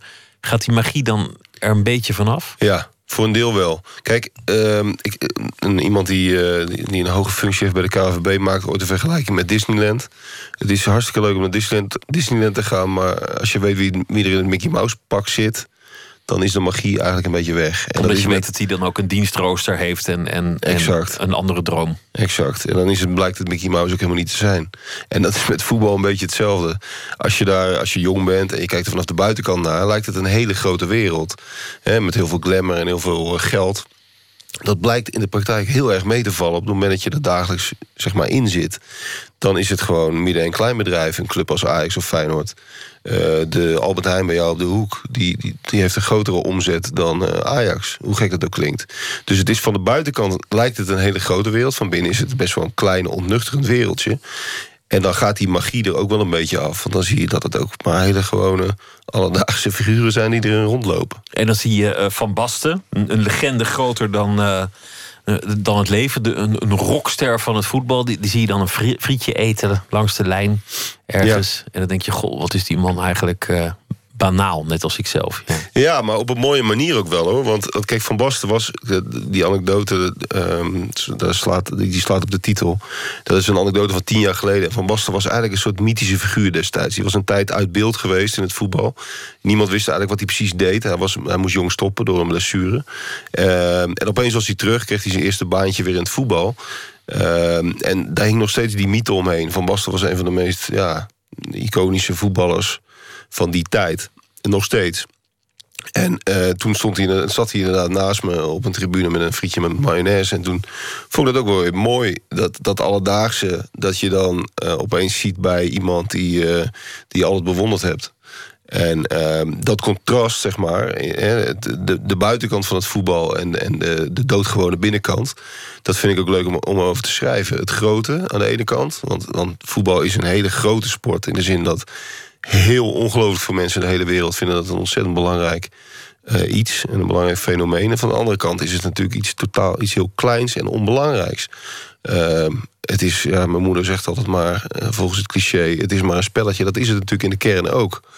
Dus dat contrast, dat, daar hou ik van om mee te spelen en om over te schrijven. En dat vind ik ook, eh, dat maakt het ook tot een boeiende en soms ook grappige wereld. Het is natuurlijk ook maar een spelletje, maar tegelijk kun je dat over alles zeggen. Je kunt ook van de Rolling Stones zeggen van het zijn maar drie akkoorden, het is Ja. maar een gitaar. Of je kunt van Rembrandt zeggen het is maar een, een lap met wat klodders verf erop. En zo kan je de, de mythologie uit alles Ja, klopt. wegsnijden. En dan hou je uiteindelijk helemaal niks meer over. Dat klopt, maar het is ook niet gezond om voetbal oneindig belangrijk te maken. En zelfs, En niet, dat als je, zelfs niet als je er elke dag over schrijft. En dat overdrijven gebeurt nou net iets vaker dan het relativeren, heb ik, heb ik de indruk tegenwoordig. Ja, dat, dat, dat, is een, dat is wel een beetje zo. Maar dat, ook, kijk, dat is ook weer wat muziek, eh, kunst of voetbal eh, interessant en boeiend maakt. Ehm, Maar het is, jij zegt het is eigenlijk het, het MKB. Ajax is een, is een club met minder omzet dan de Albert Heijn om de hoek. Tegelijk is het, is het voor mensen iets van, van levensbelang. Wordt er geschiedenis geschreven? Eh, Gaat het in de geheugens van mensen een leven mee wanneer een WK wordt verloren of, of gewonnen? Dat is natuurlijk razend interessant voor een journalist. Jij kan er wel doorheen kijken, maar tegelijk raak je ook in vuur en vlam van die mythologie en, en de grootsheid ervan. Ja, nee, maar dat, dat, dat vind ik ook precies. Dat is wat ik ook mooi vind aan voetbal. Kijk, ik kom heel graag in, eh, in Zuid-Amerika, in Brazilië en, eh, Argent- en met name Argentinië. En eh, de manier waarop daar voetbal be- beleden wordt bijna. Dat, dat, dat, van de ene kant sta- staat het wel een beetje van me, redelijk van me af. Want die mensen gaan er zo ongelooflijk emotioneel in op. Dat, dat, kun je bijna niet bevatten. Eh, maar dat vind ik ook ik vind het ook heel erg mooi om te zien hoe voetbal daar in de totale maatschappij eh, doorvlochten is. Eh, neem iemand als Diego Maradona in Argentinië. Die is zo ongelooflijk groot en belangrijk in de, Argentijnse cultuur en, en moderne geschiedenis... dat je die letterlijk overal tegenkomt. Als je in Buenos Aires komt, je ziet Maradona op elke muur... bij wijze van spreken geschilderd staan. In elk café hangt wel een portretje van Maradona... eh, als zeg maar de afgezant van het volk... Eh, er is een Maradion- Maradoniaanse kerk in Buenos Aires. Er, zijn eh, hele studies die je kunt doen naar de, naar de levensloop van Maradona. Ja, daar hou ik heel erg van. Ik vind dat, ik vind dat fantastisch om, om te zien hoe belangrijk voetbal dan eh, is voor, nou, voor een land, voor een volk. En ehm, ja, dat, dat, dat vind ik ook mooi. En dat zie je in Zuid-Europa, zie je dat natuurlijk ook heel veel. En je zag het in Nederland toch ook met het sterven van Cruijff. Want met Cruijff ging ook een, een beetje een tijdperk dood. Een, een, een tijdperk van een Nederland waar heel veel mensen naar terug verlangen. Absoluut. Eh, Nee, Cruijff is, is daarin ook natuurlijk een, voor ons is dat eh, ook de grootste van, van de, uit de moderne geschiedenis. En dat is, dat, is, ja, dat is een voetballer. En daar kun je ook weer van zeggen, ja, het is maar een voetballer. Ehm, voetballers ehm, vertegenwoordigen ook een soort van identiteit vaak. En ehm, ehm, om, doordat ze zo massaal worden gevolgd. eh, kennen we hun verhalen, kennen we hun geschiedenis, kennen we hun levensloop. En, en dat geeft heel veel kleur. Eh, dat, dat maakt. Ja, dat, dat, dat geeft ze grote symbolische waarde soms. En toch, ook bij Cruijff, dan, dan wordt er nog eindeloos doorgemierd over het WK van 74. Terwijl daar zit natuurlijk gewoon een, een factor toeval in. Als die bal iets anders op die schoen was gekomen... en hij was er wel ingegaan of de keeper had eventjes de andere kant op gekeken... dan, dan was de geschiedenis anders gelopen. Ik bedoel, het is niet allemaal berekend en, en Nee, beredeneerbaar. natuurlijk niet, natuurlijk niet. En dat moet je ook vooral niet doen. Kijk, je kunt voetbal kun je ook heel doodserieus analyseren. Je kunt tegenwoordig met alle data die er beschikbaar zijn... kun je de meest eh, wetenschappelijke analyses loslaten op voetbal. Ik hou, dat vind ik ook interessant, soms. Mits het een beetje relevant gebeurt. Maar het mooiste zijn natuurlijk de verhalen. En ehm, dat is sowieso met sport zo. De, dramatiek ligt altijd aan de oppervlakte. Eh, en dat maakt het ook mooi om, om over te schrijven. Daarom zijn er ook zoveel verhalen. Laten we beginnen met eh, de kaart. Ik wil je vragen om een van die kaarten te trekken... en de vragen doen. voor te lezen. Heb, eh, dat is gelijk een lekkere zeg. Heb je een levensmotto? Ehm, nou ja, ik zeg altijd maar, eh, maak er wat moois van. Dat is een beetje, dat is niet echt een motto, maar dat, dat, is wel, eh, dat komt er het dichtst bij in de buurt, denk ik. Ehm, dat is een opdracht.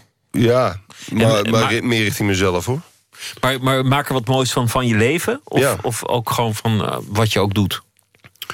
Beide, beide. Ehm, kijk, dat, betekent, dat bedoel ik enerzijds mee, eh, letterlijk maak er wat moois van. Doe de dingen die je leuk vindt en die je belangrijk vindt. En, en met de mensen die, je- die je leuk en belangrijk vindt. Ehm, tegelijkertijd vind ik ook dat je, dat je in het leven een bepaalde verantwoordelijkheid moet pakken. Daarom zeg ik, noem ik het ook, maak er iets moois van. Je moet er ook zelf iets moois van maken.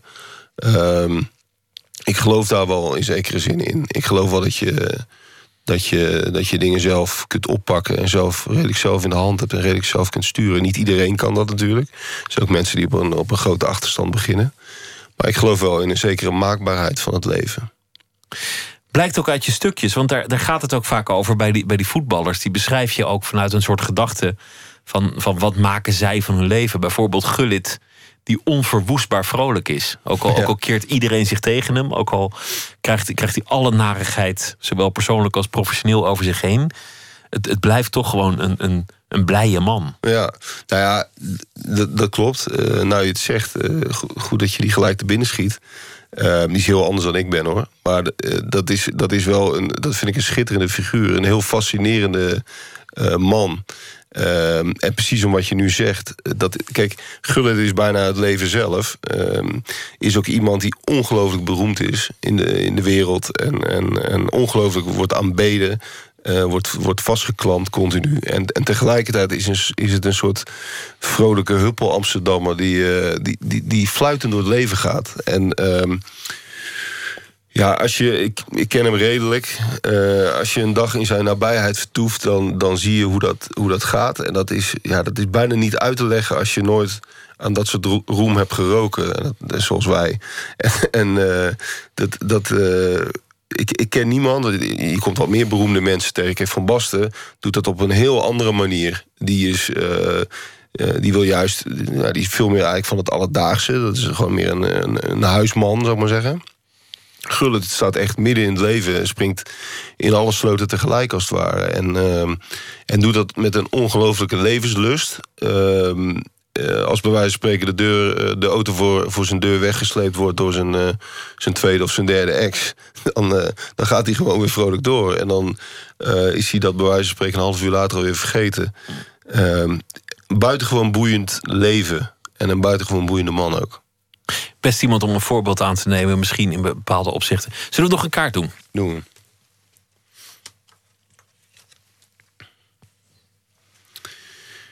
Heb je ooit een heldendaad verricht? Nee, die, nou ja. Nee, niet een klassieke heldendaad. Ehm, de Niet, niet heldendaad in de je- sloot gesprongen voor iemand of zo. Nee, dat is de heldendaad waar je denk ik van droomt. Eh, als het heldendaden zijn, dan, zijn, waren, het, dan waren het hele kleine dingen.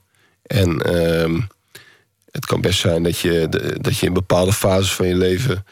eh, op een hele kleine schaal een heldendaad verricht. Maar dat zijn de heldendaden die iedereen verricht, denk ik. En in je werk, heb je wel eens in je werk iets gedaan waarvan je dacht van goh, hier, hier heb ik eigenlijk gescoord? Want, want het zijn altijd degenen over wie je schrijft die het echte scoren doen en die, die, die helden worden. Maar als sportjournalist heb je natuurlijk ook je, je eer en je, je verlangens. Nou ja, dat zou ik geen heldendaad willen noemen. Want, want het, hè, wij, wij, wij, wij beschrijven, observeren, eh, analyseren. Ehm, maar wat je natuurlijk wat je wel probeert is ehm, ehm, te verrassen. Mensen anders te laten kijken naar dingen. Dat is wel ehm, een uitdaging in, in een wereld waar zo ongelooflijk veel beweerd en geschreven wordt. Het is een ongelooflijk meningencircus geworden. Een mediacircus ook. En in die hele brei van informatie en alle aandacht die daarvoor is, eh, probeer je in ieder geval eh, mensen net iets anders naar de dingen te laten kijken. Af en toe in, die, eh, in de stukken die je schrijft. Opmerkzaam te zijn. Ja, ja. Maar dat, dat, is, eh, dat, is, dat is geen heldendaad. Dat is, eh, nou ja, dat is, dat is wel. eh, dat Vakmanschap gewoon. Denk nou, ja, ik. het is proberen er wat van te maken, ja. ja. Nou, een mooi voorbeeld afgelopen weekend met die scheidsrechter bij Utrecht Ajax. Totale woede over die penalty. Nou, dan is het ook de kunst om daar een, een stukje of een, of een verhaal over te maken dat net een andere snaar raakt. Want je wil niet de zoveelste boze commentator zijn. Exact. Liever niet. Laten we er nog geen doen. Wat is de mooiste reis die je gemaakt hebt? Nou, die, dat is toevallig, die staat in dat boek. Ehm, ik heb wel nog wel een paar mooie reizen gemaakt hoor, met, met familie, maar de meest, eh, met mijn vriendin. Maar de meest bijzondere was in veel opzichten die, eh, die reis die ik met, met mijn beste vrienden naar Argentinië maakte. Eh, eind 2013. Kijk, wij wilden ooit, ehm, dat was een soort jongensdroom van ons allemaal, we waren met z'n zessen, wilden we naar de Super Classico, naar ehm, Boca Juniors tegen River Plate. Dat is zeg maar de grootste derby die er in het voetbal is. En eh, die hadden wij ooit bovenaan ons lijstje gezet. En dat, was, dat moesten we nog een keer doen. Dat hadden we op ons twintigste al besloten. En dat, dat, we wisten dat het heel veel geld ging kosten. Maar dat moest gebeuren. En op een gegeven moment word je 30 en dan eh, is iedereen is getrouwd. En dan eh, die heeft een nieuwe baan en die krijgt een kind. En die gaat binnenkort trouwen. Dus dan wordt het steeds moeilijker om zo'n zo'n droom te verwezenlijken. En eh, na heel lang eh, vergaderen en eh, mislukte operaties, in figuurlijke zin, lukte dat uiteindelijk toch. En ben ik echt met, ja, met mijn allerbeste vrienden zijn we de, de, de reis van onze dromen. Eh, hebben we acht dagen nou ja, in en rondom Buenos Aires gereisd. Hebben we de ene voetbalwedstrijd naar de andere bekeken. Waaronder dus die, die Super Classico. De, de, de, de derby tussen River Plate en, en Boca Juniors. En dat was, eh, ja, dat was een geweldige ervaring. In heel veel opzichten. En niet alleen omdat het voetbal was. Maar ook omdat je dat eh, ja, met, je, met, je, met je beste vrienden heel lang geleden besloten hebt. En dat het dan... eh, En dat je omdat dat- het voetbal nergens zo leeft als, Exact, als in nee, Zuid-Amerika. Daarom wilden En we dat ook zo graag, ja. Het boek noem ik nog even, dat heet Friet met Van Basten. Sjoerd Ponsou, dankjewel. Graag gedaan. Uit Zweden de singer-songwriter Elbin Lee Meltdown. Met het eerste nummer dat hij ooit uitbracht. Een lied over een liefde die slecht afliep. Lulu.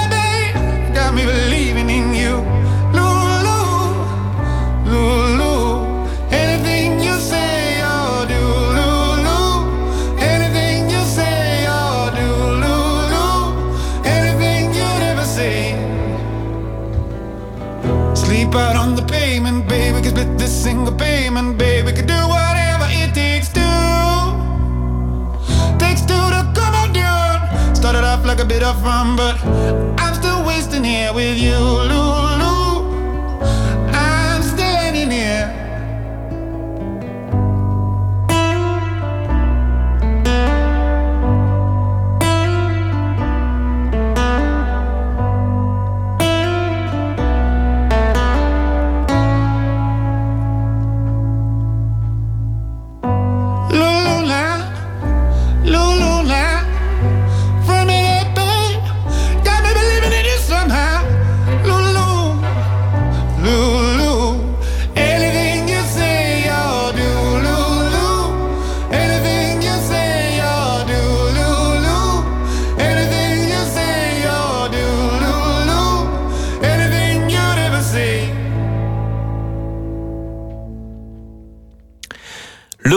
Dat van Elbin Lee Meldau. Nooit meer slapen. Vandaag startte een bijzondere tv-serie, De Stem van de Doelen. Een serie over het wel en wee van de concertzaal in Rotterdam. Fictie vermengd met documentaire elementen. Botte Jellema is nachtcorrespondent. Botte, wat zie je dan in een eh, tv-serie van een concertzaal? Ja, nou, zoals ze het zelf zeggen, een documentaire kijk achter de schermen met komische, fictieve personages en met een focus op de muziekbeleving van de concertbezoekers. Zo omschrijven ze het zelf. Eh, er zijn een aantal acteurs te zien, waaronder Martin van Waardenberg, Jacqueline Blom en Shane Redondo. En als publiek van de Doelen kan je ook onderdeel worden van deze serie. De Doelen bestaat 50 jaar dit jaar en dat vieren ze hiermee. Acht afleveringen in de eerste instantie voor RTV Rijnmond. Mede gefinancierd door het Prins Bernhard Fonds en het Mediafonds. Ja. Nou, een mooi project. Dat hebben ze goed voor elkaar. Het is al de derde productie in eh, deze opzet. eh, die er in Rotterdam wordt gemaakt. Waarom dat daar precies gebeurt, weet ik niet. Maar eh, eerst was er Rood TV naar het, eh, theatergezelschap. Bij het theatergezelschap. Daarna was er Boymans TV. Van het museum natuurlijk. En nu dus de stem van de doelen. Ik kan je even de trailer laten eh, beluisteren van de stem van de doelen.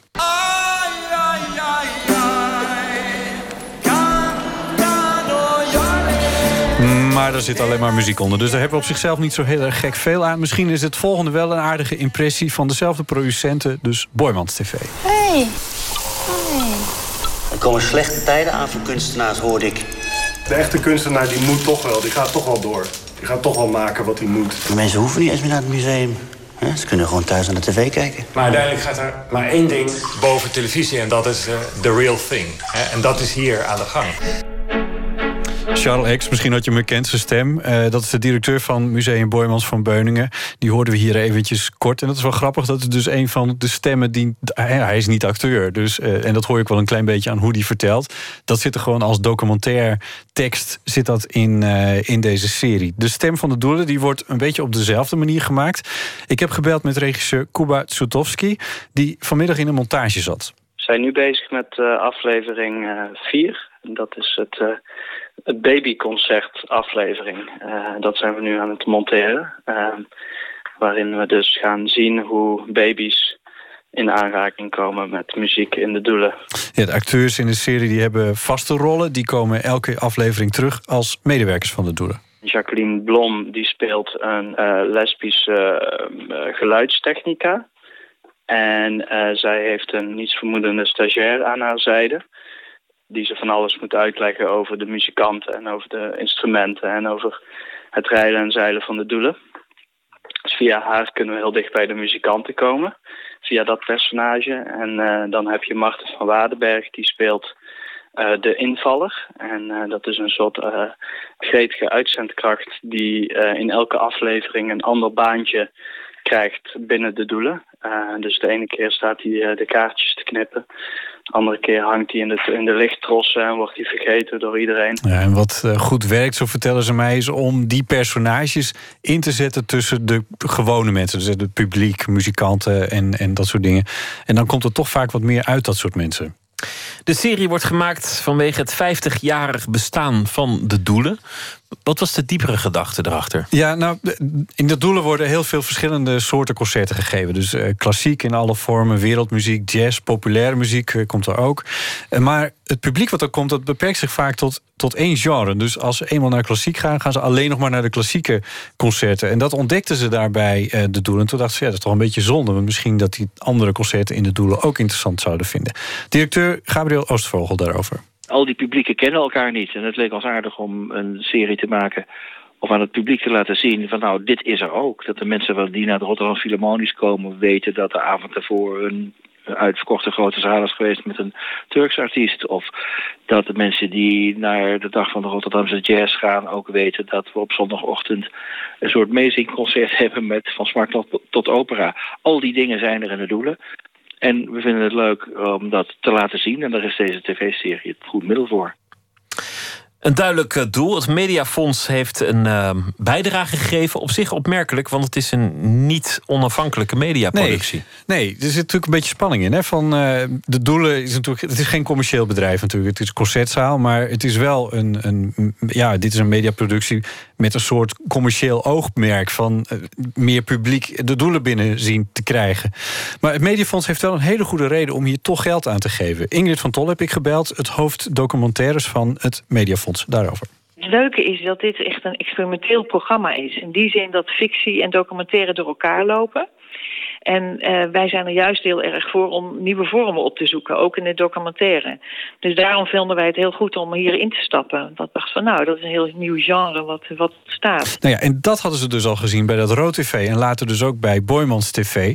Een experiment, iets dat afwijkt van wat we eigenlijk elke avond al wel op de Nederlandse televisie zien. Dus toen ze met dit plan kwamen, toen wilden ze dat heel graag stimuleren. Het zijn natuurlijk ook allemaal hele goede acteurs. Hè? Dat is natuurlijk ook. Hè? Dat anders werkt het niet. Hier hebben we nu de inval, die gaat met Martin Waardenberg gaat het spelen. Dus het zijn gewoon hele goede acteurs die het lukt om uh, gewone bezoekers die dan binnenkomen echt los uh, te krijgen. Dus dingen te laten doen die ze normaal niet doen. Waardoor er gewoon echt gekke situaties ontstaan. Een beetje surrealistische uh, dingen gaan gebeuren. Waardoor, waardoor je een museum of dan nu nou zo'n de doelen dan ook dus anders zou, gaan zien. Nou ja, door zo'n fictief personage openen zich dan werelden die zich anders niet zouden openen. Zo zegt Ingrid van Tol van het Mediafonds. De stem van de doelen heet de serie. Wat gebeurt er eigenlijk verder nog naar aanleiding van het 50-jarig bestaan van de doelen? Wanneer is dat? Dat is een hele goede vraag. De opening is in ieder geval uh, op 18 mei. Dat uh, is van oudsher de opbouwdag in Rotterdam. Uh, dat had een wel een interessante geschiedenis. Dat vertelde de directeur mij nog. Uh, op 14 mei was het bombardement in 1940 op Ro Rotterdam. En op 18 mei, dus al vier dagen later, werd er opdracht gegeven tot wederopbouw van Rotterdam. Dus 14 mei wordt vaak gedacht. Uh, 18 mei is uh, heel lang de opbouwdag geweest. En dat is ook uh, zo'n 50 jaar, nu dus exact 50 jaar geleden op 18 mei, is dat de dag geweest dat de doelen openen.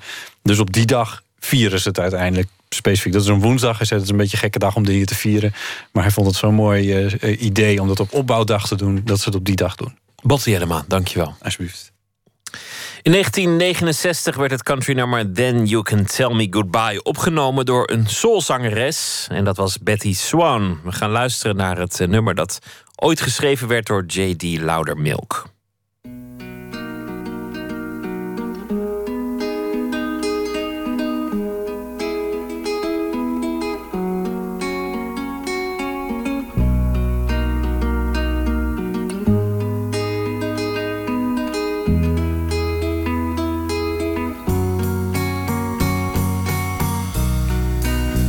Me each morning for a million years.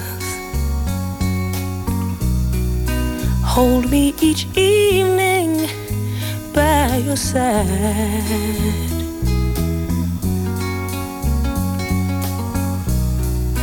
Tell me you love me for a million, a million years. Then if it don't work out, then if it don't work out, then you can tell me goodbye.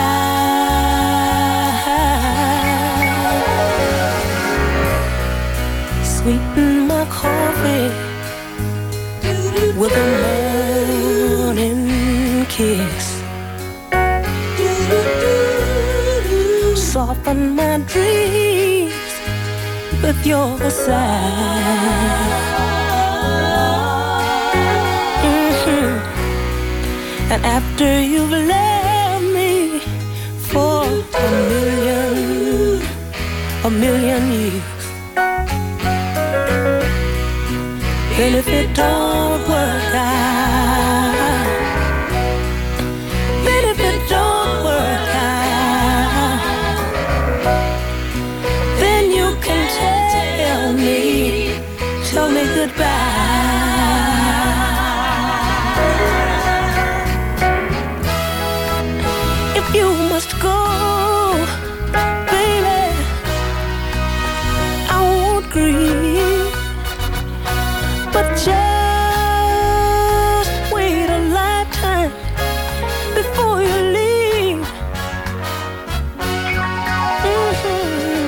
Then You Can Tell Me Goodbye van Betty Swan. Dichteres Tjitske Jansen zal deze week elke nacht een gedicht uitkiezen en voordragen. En vannacht heeft ze gekozen voor een gedicht van Bart Chabot.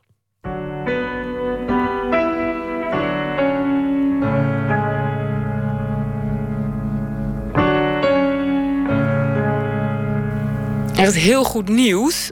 En dat is dat er een paar maanden geleden een nieuwe dichtbundel is verschenen van Bart Chabot.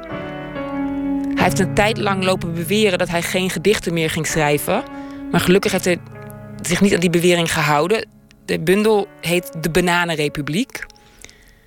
En ik wil graag het gedicht inleiden door iets voor te lezen dat eh, Gerrit Komrij over Chabot geschreven heeft in 2004.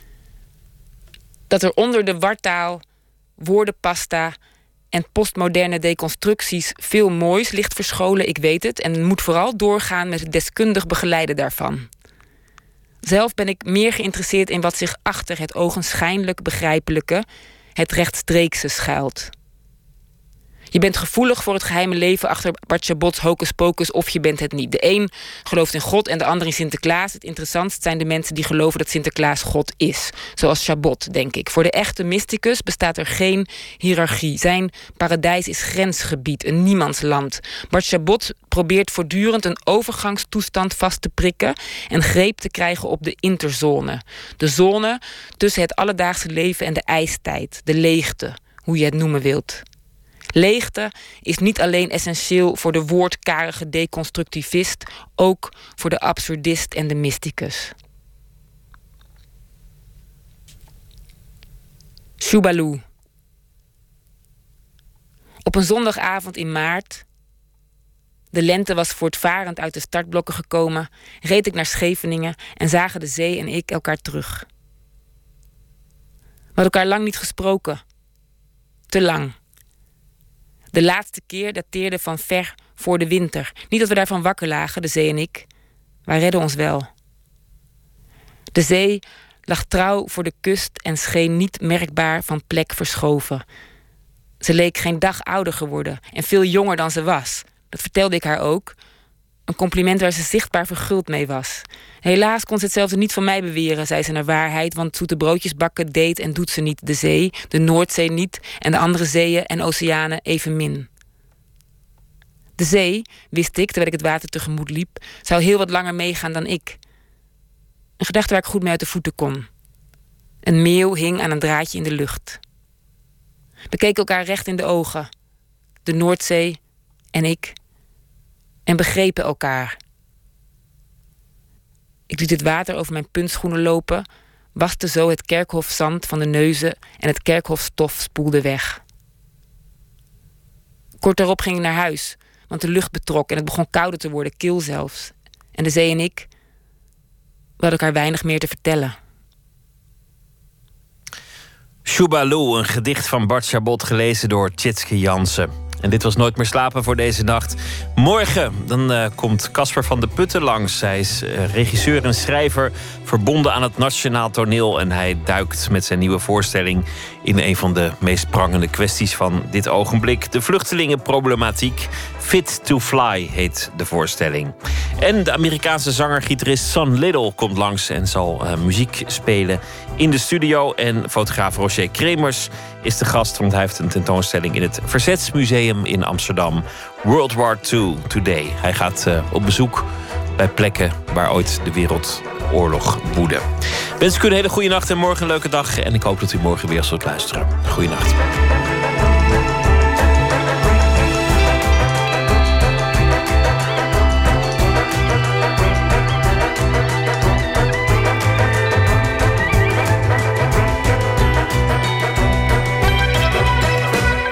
Op Radio 1, het nieuws van alle kanten.